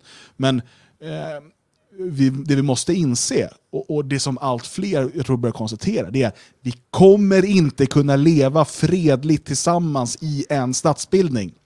Vi behöver segregation, vi behöver separera oss, vi behöver få leva i fred och frihet. Vi ska ha så bra respekt för varandra som möjligt, vi ska ha så bra utbyte och handel med varandra som möjligt, men vi måste leva separat. Det är den enda vägen framåt om inte det bara ska fortsätta i ett långt jäkla kaos. Men lyssna nu, lyssna nu här. Eh, lyssna, spänn öronen. Rashid Musa gnäller om att, att så här, svarta och vita inte fick dricka ur... Nej, svarta fick inte dricka. Vita fick ju för fan inte dricka ur deras fontän. Varför de dricker ur fontän där vet jag inte, men dricksfontän menar, menar jag säkert. Det, det, var ju inte, det var ju inte så att svarta, att vita så här, flytta på dig svarting, nu ska jag dricka ur din fontän va. Eller så här, hörru du svarting, flytta på dig, nu ska jag ha din plats på bussen. Det var segregerat för att man insåg att vänta nu, till och med de gamla indierna förstod det här med kastsamhället, det är ingen bra idé, vi måste hålla oss separerade. Sen har det där blivit knepigt och perverst i efterhand. Va? Men i grund och botten, det var inte så. Och så här, tänk om jag som vit i Tennessee, så här, men jag vill att mina barn ska gå i den här svarta skolan. Då bara, nej, det får den inte. Svarta, vita fick inte gå i den skolan. Vita fick inte, och så vidare. De hade sina skolor, sina kyrkor, sina platser, sina fontäner, sina eh, bord. Och det funkade. Funkade fantastiskt bra utifrån de förutsättningar som fanns. Va? Sen hände det saker. Och det var bland annat att det kom ner människor från nordstaterna. Eh, bland annat en del, en del judar och liberaler och annat som så här, nej vet ni vad? Ni måste få gå med de vita och negrerna, eh, just det, de svarta ursäkta. De bara, nej men vi vill inte det. Vi vill ha våra kyrkor och våra pappor ska vara hemma och sådär. Nej, nej, nej, nej, ni ska här blandas. Och så bara pang, papporna försvann. Boom, gettorna växte till. Pang, det blev ett jävla elände. Tänk vad bra det var, vilket också svarta som Howell och andra säger. Vad bra det var när det inte var som det är nu va? Gud vad fint vi hade det. Svarta pappor var hemma och tog hand om sina familjer. Du vet, de gick till jobbet, man såg kostymer och så. Visst, om någon betedde sig illa så kom det gubbar i, i såna här äh, dräkter äh, och hängde folk. Det hände också. Men vet ni vad? Det hängdes vita jävla svin också. Men var du en skötsam människa så behövde du inte frukta någonting. Vare sig du var svart eller vit eller gul katolikerna låg alltid illa till för ja, de är lite knepiga. Va? Men, men liksom generellt sett så funkade det faktiskt mycket bättre. Eh, och då var det segregation. Så att, kom igen nu Rashid Musa din dumma jävla blö. Men det är också Men det är roligt också att se... för, för Ja, honom förlåt, så handlar det ju inte någonting om eh, svarta egentligen, utan för hans del handlar det ju om hans eget välbefinnande. Han vill ha vad han ser att andra får och så tror jag det är för väldigt många av de svarta som är ute och demonstrerar. Jag tror vi måste dela upp hela den här rörelsen i olika sektioner. Vi har de här eh, kravallfigurerna som som regel säkerligen är ganska fattiga, som vill ha det bättre och ser att eh, ja, nej, men kan jag få det bättre genom att kasta sten så gör jag väl det. Sen har vi ju de som driver på, vilket han är en av dem. Han vill ha det bättre för sig själv. Det är ju det det handlar om. Han ser att han kan få en karriärmöjlighet som eh, ett svart offer och han kan drivas fram. Sen har vi alla de här vita idioterna som hejar på, men för dem är det ju någon form av annan kamp. Eh, det liknar lite grann den här kvinnokampen som den drivs just nu, att det ska vara 50% kvinnor i eh, Melodifestivalen och 50% kvinnor i eh, företagsstyrelser och i filmpriser och allt sånt här. Det, det är ju frågor som rör väldigt, väldigt få människor. Det gör ju ingen som helst skillnad för alla de kvinnor som håller på och jobbar inom vården om 50% av de som har skrivit låtarna till Melodifestivalen är kvinnor, utan det är ju en liten, liten grupp som redan är ganska framgångsrik, som kan bli ytterligare lite mer framgångsrik. Och det är ju såklart att de hejar på det här för att de vinner på det. Precis som den här muslimen som jag hela tiden glömmer bort vad han heter. Eh, för hans del handlar det om att få ytterligare några kulturbidrag för att få ytterligare lite mer pengar från höger och vänster. Eh, det det är ju hans egen vinning det handlar om. Han är ju individualist och sen så har han upptäckt ett sätt att driva på det här och tjäna på det. Han är ju inte utsatt för någonting. Det är klart, han kanske får lite mer hatkommentarer än vad gemene invandrare får på grund av att han är så ute i offentligheten. Men det handlar ju ändå bara om hans egen vinning och det är det det handlar om helt och hållet.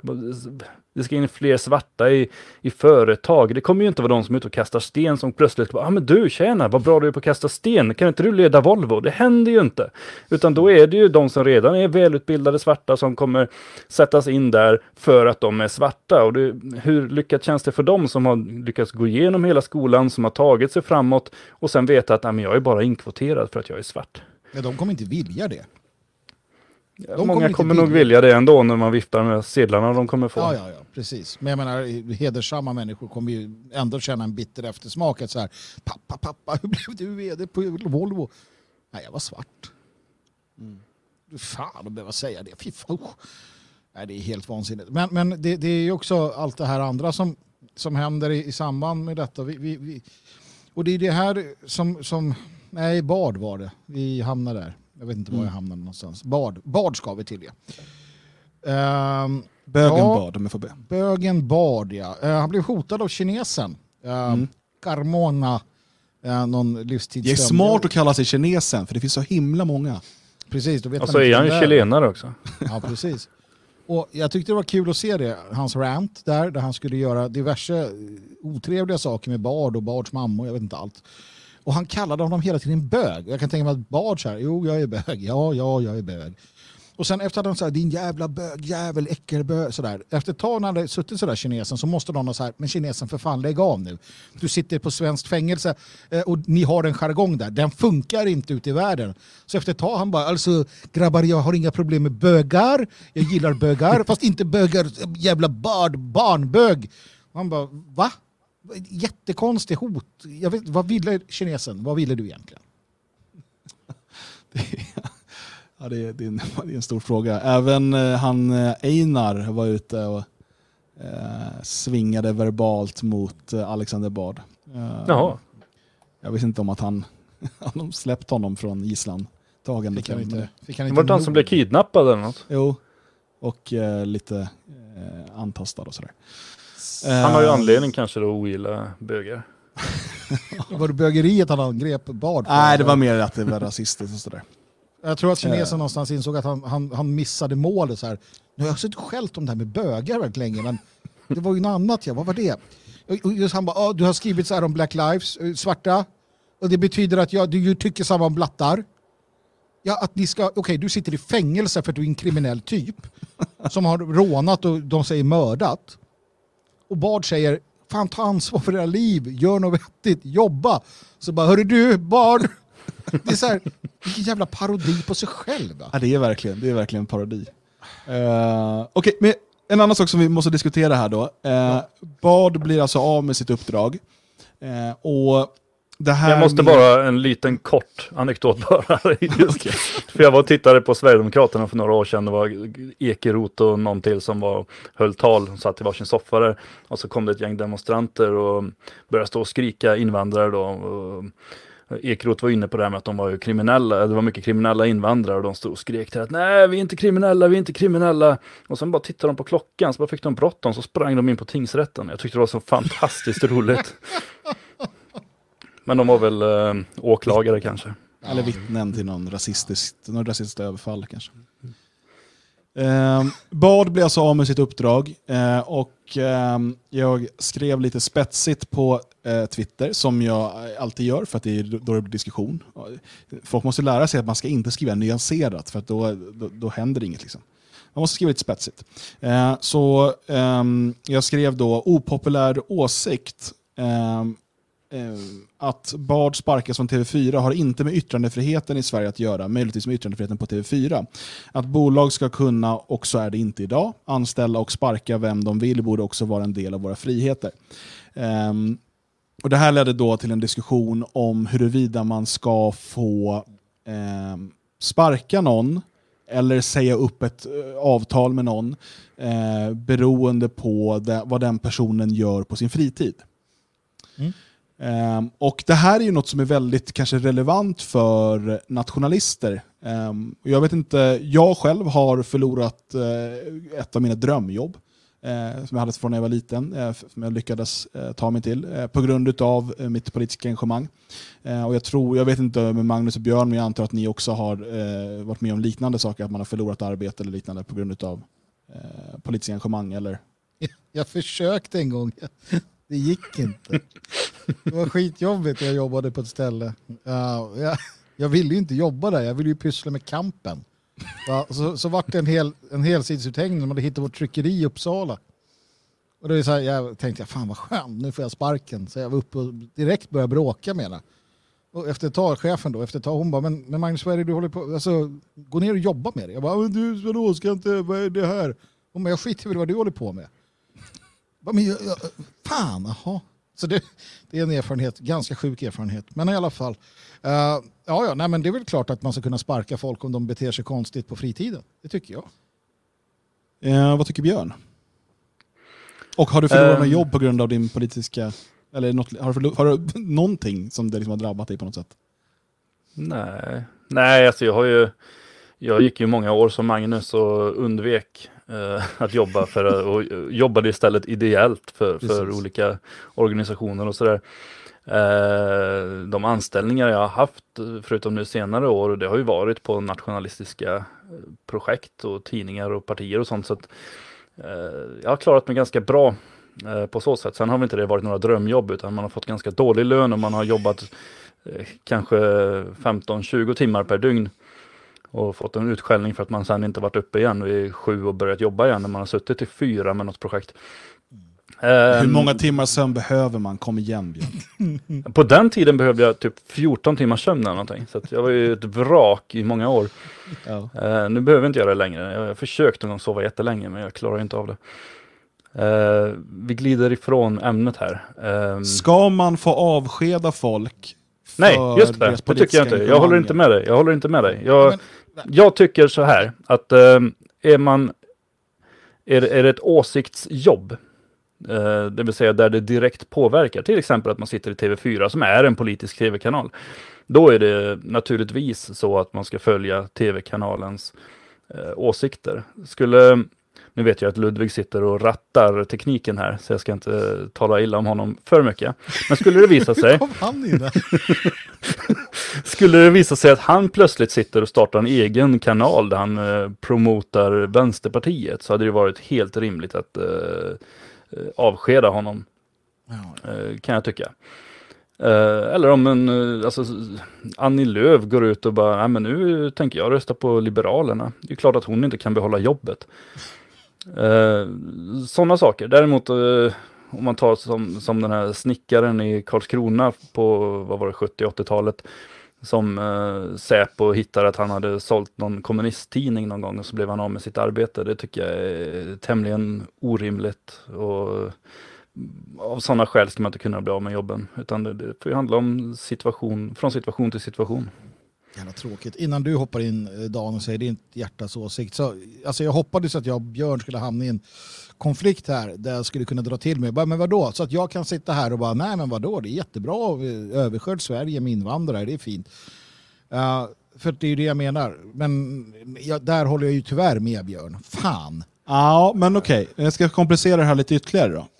Om eh, du har ett eh, arbete där du på något sätt då företräder företaget, eh, det gör väl alla, men jag menar i någon, du, har, du har kundkontakt, du står inte kanske bara på ett lager eller sådär, utan du, du verkligen Bara är ute och bara. träffar kunder. Ja, men alltså där du, där du inte träffar kunder, det är en sak. Eh, Då kan man liksom vara undangömd och ingen märker av vem du är. Men om du är ute och träffar kunder på något sätt, eller ett ansikte utåt för företaget på, på så sätt.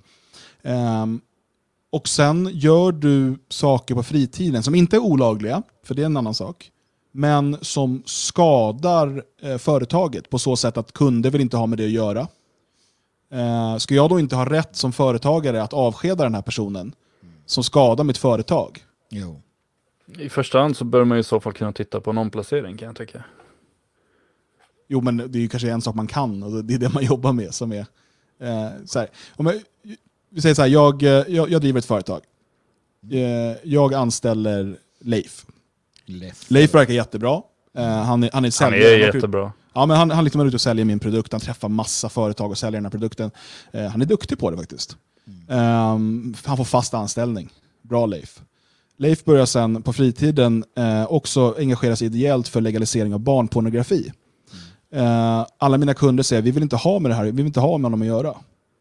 Ska jag då få avskeda honom eller måste jag ha kvar honom i företaget för att han har rätt till sin åsiktsfrihet? Får man Jag drar saker till sin spets. Det här är ett Ja, så här, det är det. alltså det är bara för att komma fram till en principfråga. Sjukt, det sjuka är att du säljer till dagis också. ja, det, Ja. ja, det hade kunnat vara det för att göra det ännu värre. Vet du vad som är ännu värre? Det är att du kallar honom Leif. Som att du tror att en säljare på tju- i tju- år 2020 heter Leif. Det gör han inte. Det, där, det var någon på pappersindustrin på 70-talet. Han hette Leif. För att jag menar, omplacera är inte så lätt om du bara har en anställd. Alltså du, har, du, har liksom, du har tagit fram en produkt och sen så anställer du en person som ska sälja den. Så omplacera, bara, okej, vart- vart ska jag sätta honom då? Nej, men jag, jag kan ju säga då, o- okej, om jag ska vara lite sådär mittemellan. Uh, du kan ju titta på en placering och konstatera att nej, det går inte. Sen får du sparka honom. Det För att det, så här, det jag vill komma till, eh, för självklart ska det finnas ett, ett skydd. Liksom, och, och Det ska ju regleras i ett avtal mellan arbetsgivare och arbetstagare eh, och dessutom finnas någon typ av skydd i lagen för hur man får behandla andra människor.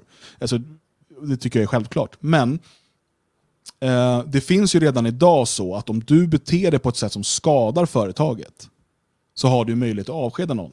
Och det är här jag liksom vill vända mig till nationella, för det är ofta så mycket snack om att Åh, men det är så hemskt för att man eh, jag kan liksom inte göra den här drömkarriären och samtidigt vara aktiv, öppen nationalist. Men vem fan tror det då? Nej men precis, och det är lite det Har jag du vill gått så komma till. långt För det, i den här jävla rörelsen? nej men, nej men, och, och, precis, och det finns ju folk som tycker att och det är så fel, men vi är ju själv uttalade fiender till det här systemet.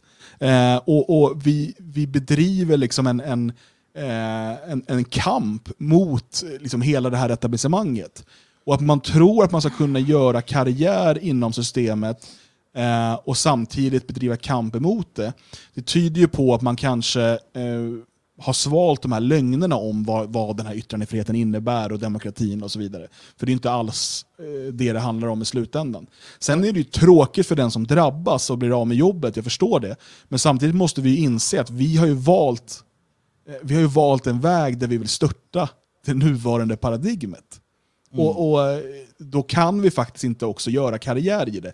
Eh, det. Det är ju så det ser ut och någonstans där får man ju välja. Och, eh, ja, jag kanske bara hamnar lite utanför ämnet, men jag, jag tycker att det, det blir så konstig inställning att man tror att man ska kunna både äta kakan och ha den kvar, precis som med de svarta i den vita civilisationen. Nej, men nu får jag ju skälla på folk, så nu tycker jag vi hamnar helt rätt. För att jag misstänker att du inte, du är som jag tror jag, när du tar upp saker och ibland är du irriterad, då har du stött på någon sån där jävel på de sociala medier. Det är någon som har, eller ett, ett gäng som i legio har så här gnällt och du har retat upp det och du så här känner att det bästa sättet är att svinga här i radion. Ja, och jag, jag, jag plockar direkt upp basebollträet för att jag håller med dig. Ja, och jag gör också så, det är en taktik jag har när jag är sur. Men, men vad då? alltså så här, vi, eh, det finns ett antal personer som, som i olika faser av sina liv har varit mer eller mindre eh, offentliga. Va? Eh, och, det är bra. Sen har många av dem kunnat gå vidare och göra annat också när de inte orkar längre, vilket är jättebra när det går. Men, men vill man inte, alltså vill man leva i världen och, och samtidigt stödja det här och känna att man gör något, eh, köp dig fri. Donera en jävla massa pengar till gärna oss då, eftersom jag tycker det här är det bästa projektet. Eh, Svegot, Nationalisten, Det fria Sverige. Men hittar du något annat som du tycker är bättre, kör i vind. Va? Läs, konsumera, gå på, på liksom, eh, trygga tillställningar där du känner att du kan ändå liksom, koppla samman och lära känna människor och så. Men ha en fot i systemet. Det är okej för mig. Efter att ha i 20 års tid försökt slagit huvudet i väggen och varit sådär arg eh, på, på, på den, den typen av människor så har jag förlikat mig med att det är så det är. Va? Och jag har inga problem med det, jag är inte arg på det, men då jävlar. Då skickar ni in en massa pengar. Ni, ni stöttar oss på alla sätt och vis. Ni är, ni är visselblåsare och berättar vad som händer där ni är med de, Eh, de, de sakerna. Ni ser till så att jag och, och, och flera med mig kan fortsätta att vara det här ansiktet för den här saken. Eh, Det är vad du gör. Och sen kan du leva ditt hyfsat behagliga liv. Och det är inget fel. Eh, Faktum är att en sån revolutionär som David Lane säger tidigt i någon av alla sina skrifter att, att det är så det ska se ut. Vi behöver en handfull talespersoner, talesmän, taleskvinnor av olika eh, Eh, som kanske har lite olika inställningar till det här. Vissa är mer radikala, andra är inte lika radikala. Men de behövs. Men den stora massan behöver inte vara mer än en stor massa som på olika sätt och vis kan bojkotta eller göra ditten och datten. Men de ska ta med fan hjälpa till och putt, pytsa in en sju jäkla massa pengar, resurser och annat och finnas tillgängliga. Där är vi. Och då är det jättebra. Jag har inga problem med det. Jag tycker det är en fantastisk lösning. Mm. Eh, om man, jag ska bara, eh, för jag, det var jag som råkade gå ifrån eh, diskussionen här. Om man går tillbaka till principfrågan och hur det bör fungera i ett samhälle. Låt oss skilja på hur det fungerar idag och vad som är rimligt av det här systemet, hur det bör fungera. Så tycker jag också man måste skilja på om man är anställd i offentlig sektor, alltså liksom statligt, kommunalt och så vidare. Eller om, eller utav några som får statliga bidrag. För där tycker jag att det kan finnas krav på att man, man ska liksom, eh, kunna engagera sig politiskt under straffaren. Men en privat företagare som har investerat sina privata pengar i ett företag och anställer någon som sen eh, liksom skadar företaget på olika sätt måste ju kunna avskeda den. Eh, sen är det klart att det finns en skillnad, jag förstår det, att man ska skillnad på liksom om det är en anställd eller tusen anställda och så vidare. Men principen är ju egentligen densamma. Eh, och Jo men om man säger så här då, som, som eh, för att ta ett exempel som finns då, Anders Erleskog som aldrig hade varit offentlig med sina åsikter, eh, men blev uthängd i den här 30 november-uthängningen 99 Mm. och då blev en offentlig person. Mm. Eh, han hade ju något jobb via, han var med i facket också ifall att han skulle få problem på grund av sina åsikter. Så var han med i Metall och han var, jobbade för Manpower tror jag det var. Och satt och svetsade i något bås någonstans i, i Småland. Uh, och när han går ut på rast så ser han att då har någon satt upp affischer överallt med bild på honom. Och det visade sig sen då vara Metalls fackombud på platsen som har satt upp där och sen blir han inkallad till eh, chefen som säger att eh, du får packa ihop och åka hem omedelbart. Jag har väldigt svårt att säga att han vare sig störde arbetet i sitt svetsbås eller någonting när han ofrivilligt kom ut med sina åsikter. Nej, och där har vi ju en, en separat problematik i liksom en, en medial häxjakt eh, efter oliktänkande så att säga. Eh, och det är svårt, men, men frågan är hur man ska... Alltså om, om, om företaget då kan bevisa, nu tror jag inte att man kan göra det i det här fallet, men om man kan bevisa då att det här gör att vi inte kan få kunder. Vilket faktiskt var fallet, jag kan bara säga i det, eh, där jag fick sparken, eh, eller jag fick gå, eh, från ett företag eh, där jag hade mycket kundkontakt. Eh, och där kunder hade hört av sig efter att ha sett klipp med mig på, på YouTube och så vidare. Eh, och ville säga upp sina avtal med det här företaget. Eh, och jag, menar, jag hade full förståelse för min chef som tyckte att jag gjorde ett jättebra jobb och vi, gjorde liksom, vi kom en bra deal. Jag fick eh, avgångsvederlag och goda vitsord och sådär. Men eh, jag kunde inte fortsätta med det jobbet jag hade där. Eh, för att eh, liksom, kunderna började ringa varandra och liksom, sätta press på det sättet. Eh, att jag fick gå det. Sen med Anders, jag vet inte, det är en annan situation och, och eh, det är ju problematiskt. Jag, jag, eh, men man måste ju någonstans komma till liksom någon, någon typ av princip här och där, där bör det ju regleras ett skydd eh, för individen men skadar du företaget så måste det vara företagets rätt att också avskeda dig. Det kan inte, det kan inte finnas ett krav på att företaget ska gå i konkurs för att du ska... Alltså det blir väldigt konstigt.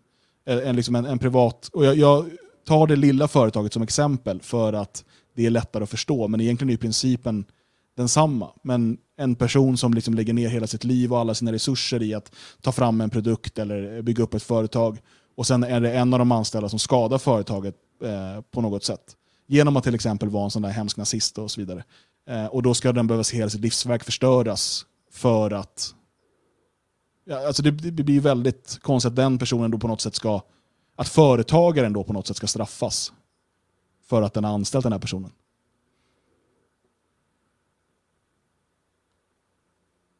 Hallå? Jag vet inte, eh, jag, jag har inte mycket att säga va? så att jag kastar mig inte in i den där diskussionen särskilt mycket. Nej, alltså det är en jättesvår fråga. Och, liksom, ehm, och vi behöver ju såklart ha liksom, skydd. Eh, och liksom, eh, människor behöver kunna ha säkra anställningar just för att vi alla vet att det liksom gör att man sover bättre om natten och man vet att man har mat på bordet till sin familj eh, dagen efter och så vidare. Eh, och eh, det, jag, menar, jag själv har drabbats av det och många av våra vänner har gjort det. Eh, att man har förlorat jobbet på grund av ens eh, politiska engagemang. Men eh, jag har svårt att se hur man liksom ska reglera det i lag. För att nu utgår ju vi ifrån de som tycker som oss och då blir det ju mer personligt på något sätt. Och Det är därför jag tar det som absolut värsta vi kan föreställa oss, den här Leif som vill legalisera barnpornografi. För där är liksom alla överens om att han är en sjuk jävel och jag skulle till och med kunna tänka mig att i ett sunt samhälle så kanske han inte ens hade fått predika de sakerna som yttrandefrihetsfundamentalist Ja, inte. Men det finns ju andra lösningar som, som fungerar och det, det är ju dels att köpa ut människor och dels att mobba Ja, det var det ut de gjorde med människor. mig. Ja, Men nu- man kan ju också mobba ut jag- människor. Björn, nu vet ju jag att du tycker att Leif ska få predika att barnpornografi är en bra idé um, i ditt samhälle. För du är något så unikt som yttrandefrihetsfanatiker. Mm. Um, uh, så att Dans exempel faller ju platt och det här tycker jag är lite intressant. Nu är jag lite Loke här och, och försöker få lite träta mellan er. Men du tycker inte att en person som förespråkar liksom barnporr öppet, eh, ganska modigt ändå får man säga att Leif är här i sammanhanget som skriver artiklar om det här. Och, Ja, fast ändå inte. Det är, så sent som på 80-talet så var det helt eh, legitimt att förespråka barnpornografi. Så det tror jag är någonting som kommer tillbaka nu när eh, Pride-rörelsen har flyttat fram sina positioner Mm. så pass mycket. Så jag tror att om några år så har vi en sån debatt igen. men du tycker inte att man ska få sparken om man, om man gör det helt enkelt? Det är ju klart att springer man runt och är då den enda på företaget och han just går och säljer möbler på förskolor så eh, ja, fast kanske får man nå en överenskommelse eh, än att bara sparka. Vi, vi vill också Ö- säga- Överenskommelsen är 10 000 bilder. vi vill, vi Nej, vill nu utgår vi från att den här människan inte är pedofil utan han bara Han var förespråkar. Han, jag, vill också att vi, ut- jag vill också att vi klarlägger väldigt tidigt att, att Leif heter Leif. Ja, han heter inte något annat. Alltså. Det här Han heter Leif. inte något annat, han heter Leif. Den jäveln. Mm. Ja, Ja. vi kan lägga ut adressen sen också. Nej men jag vet inte. Alltså Leif Wolodarski heter han. jag känner också att jag är för fullpumpad med det här moderna. Med eh, liksom arbetarrörelsen och med, med min uppväxt och min... Jag, undrar hur vi hade närmat oss allt det här i ett fint vitt samhälle. Men det är också, problemet är väl kanske också storskaligheten som har blivit i vårt samhälle efter industrialiseringen. Det blir en helt annan en helt annan verklighet vi är i. Ehm, och jag menar det här småskaliga, okej vi har väldigt många småföretag i Sverige, men det är också väldigt många som är anställda i stora, jättestora eh, koncerner och framförallt väldigt många som är anställda Eh, i offentlig verksamhet på olika sätt. Um, så att det, det blir liksom lite olika uh, diskussioner. Men jag, jag tycker att det finns ett problem när man säger att det som sker på fritiden sker på fritiden och det påverkar inte det som sker på arbetet. Det beror ju helt på vilket arbete man har. Uh, men jag tycker att normalt sett, liksom, om man svetsar eller någonting sånt, så borde det inte påverka arbetet. Samtidigt, är det då att kunderna börjar ringa och säger att nej, eh, vi tänker inte, om Anders kommer hit och svetsar så, så, så är inte vi kund hos er längre. Han Det satt skulle ju i ett bås bara. Han, satt ju, han var ju inte Jo, ute nej. på... Det är, jag menar ett- som ett exempel. Fan vad vi Eh, är... Nej, va? Fan, Berätta. vi är så jävla självhatande. Exemplet är Mabumba som jobbar på McDonalds och hatar vita. Han spottar fan i maten. Precis som Ja, att, Le- Då, då gör han ju... precis, precis som att Leif, när han svetsar, den här, nu är det en annan Leif, han, han, svett, han ska svetsa till det här bygget. Bygget är en flyktingförläggning. Han hatar blattar, så han svetsar lite sämre. Det gör han, den här Leif. Alltså rent omedvetet, okej han spottar kanske, men han kanske inte bryr sig. Alltså rent omedvetet så är vi jävligt styrda av vad vi tycker. Om det kommer in någon i, på, på hårfrisörskan och du bara, fy fan vad ful och äcklig och luktar illa den här jäveln gör. Sa du då klipper du hårfrisörskan? lite, Jag har inte hört då någon säga klipper det du sen en sämre. Alltså, vi kan, alltså, det påverkar väldigt mycket. Gillar man inte tjocka människor, då är det så här, "Usch, den tjocka fan kommer in på gymmet, så här, han ska ge lite sämre träningstips till. Nej, men, alltså, människor är så småaktiga och jävliga. Va? Um, så att jag tycker vi kan lyfta in den dimensionen. Sen så varför använder vi alltid så här en, en vit, bra rekorderlig man som Leif som är pedofil? Uh, varför inte just Ja, Mabumba? du som- du säger som- att han är vit. Jag såg en helt annan Leif framför mig. Leif han har ett ögonbryn. Han heter Leif Mohammed Abdullah Ahmed Gong. Han kommer, eh, hans mamma är från Kenya, och hans eh, pappa är från eh, Tjetjenien. Eh, det här Men är, Då vill jag ändra min mm, åsikt också. Då tycker jag att man ska avskeda honom. Men bara oavsett för att han är tycker. svart. Ja. Jag sa inte det, jag skojade, det var ett skämt, det var ironi, det var, det var um, um, en form av um, satir kring det vi har talat om. Här har vi i, i chatten en kille, han är så jävla arg så han skriver äganderätten och företagarnas med stora bokstäver. Stärk äganderätten och företagarnas rätt att driva företag som de själva vill. Och en jävla massa- Fyra utropstecken. Men det är väl lite så, jag menar små, små företag arg. har väl lättare, de får väl sparka folk lite lättare va? De, ja, de har ju... det verkar ska ju de ändra i LAS igen. Eh, de har, Ja, men jag tänker om man har en, eh, om man har en liten firma som, jag vet inte, de, de, man stickar strumpor till barn. Och så har man en eh, Då anställd. ska och hon inte Leif jobba där. Nej, Nej det här, här jobbar ju någon kvinna liksom. eh, Maria heter hon för det är väl det vanligaste. Såklart. Varför heter hon inte namnet. Afram? Var Nej, mångkulturell. hon, hon får inte jobb på grund av den strukturella rasismen. Ja, Ja, det- Maria får det här jobbet och hon sitter där och stickar och gör jättebra jobb. Men sen blir hon ju äldre och äldre och äldre och när hon är 58 så sitter hon och darrar väldigt mycket och lyckas inte sticka någonting. Då tycker jag det är ganska rimligt att man, man kan göra sig av med en sån människa. Eh, om man är ett litet företag, är man ett större företag så tycker jag att då får man stå ut med några som är lite sämre om de har eh, tjänat företaget i många år. Men ett litet ha- företag som är helt beroende av en person. Jag är emot Det där LAS. ska jag använda när jag är gammal och jobbar här. Och man sitter som ett jävla klappjord. Värre än nu i sändning. Och så dreglar lätt och så här säger så här Joe Biden-grejer. Eh, och när alla kommer förbi med sina fruar så är jag alltid där och så här hej. Då ska jag säga, kom ihåg vad Björn sa. Alltså jag har tjänat det här så länge så ni får inte sparka. Jo men då Eh. förutsätter ju det att företaget har blivit väldigt stort och då är det väl rimligt att man sätter dig, då får du sitta i ett hörn där och vara liksom Ja, nej, jag är på. Jag är på. för trogen tjänst. Eh, vill ni eh, se det här programmet i framtiden så prenumerera på YouTube-kanalen, eller var ni nu tittar och följ det här. Eh, gå såklart också in på svegot.se. Teckna en plusprenumeration så får du tillgång till alla poddar i efterhand. Det kommer väl en ja, vad är det, fem morgonprogram, eh, ett kväll med Svegot, ett passningen och två, tre pluspoddar i veckan eh, som du får tillgång till. Då. Så en tiotal poddar i alla fall, så du har nog att lyssna på.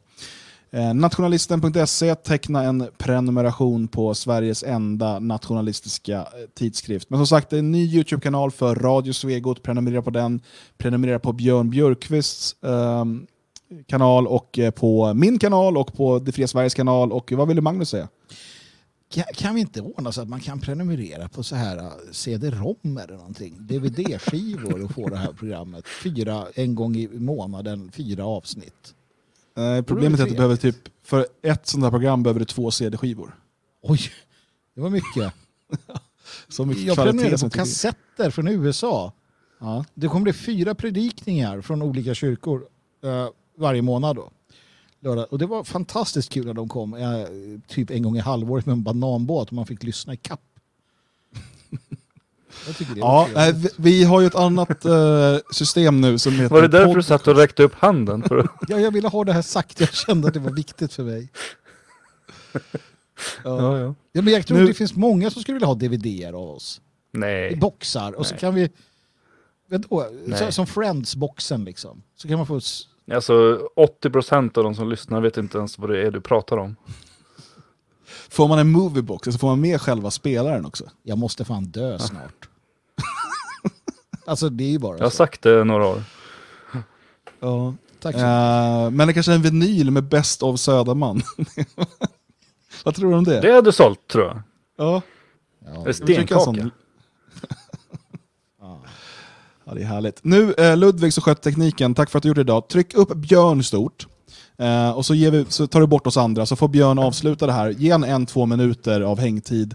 Uh, så ska han nu berätta uh, vad som händer under resten av veckan och sådär. Tack för att ni har lyssnat.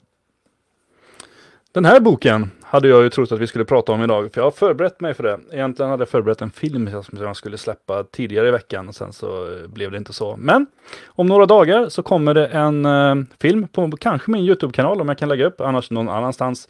Där jag kommer prata om eh, Aron Flams bok Det här är en svensk tiger. En eh, inte speciellt spännande bok, men det har blivit en spännande berättelse kring den nu med eh, eh, polisingripanden och beslagtaganden och sådana grejer. Så kika på det och eh, nu tänker jag vara tyst i en och en halv minut.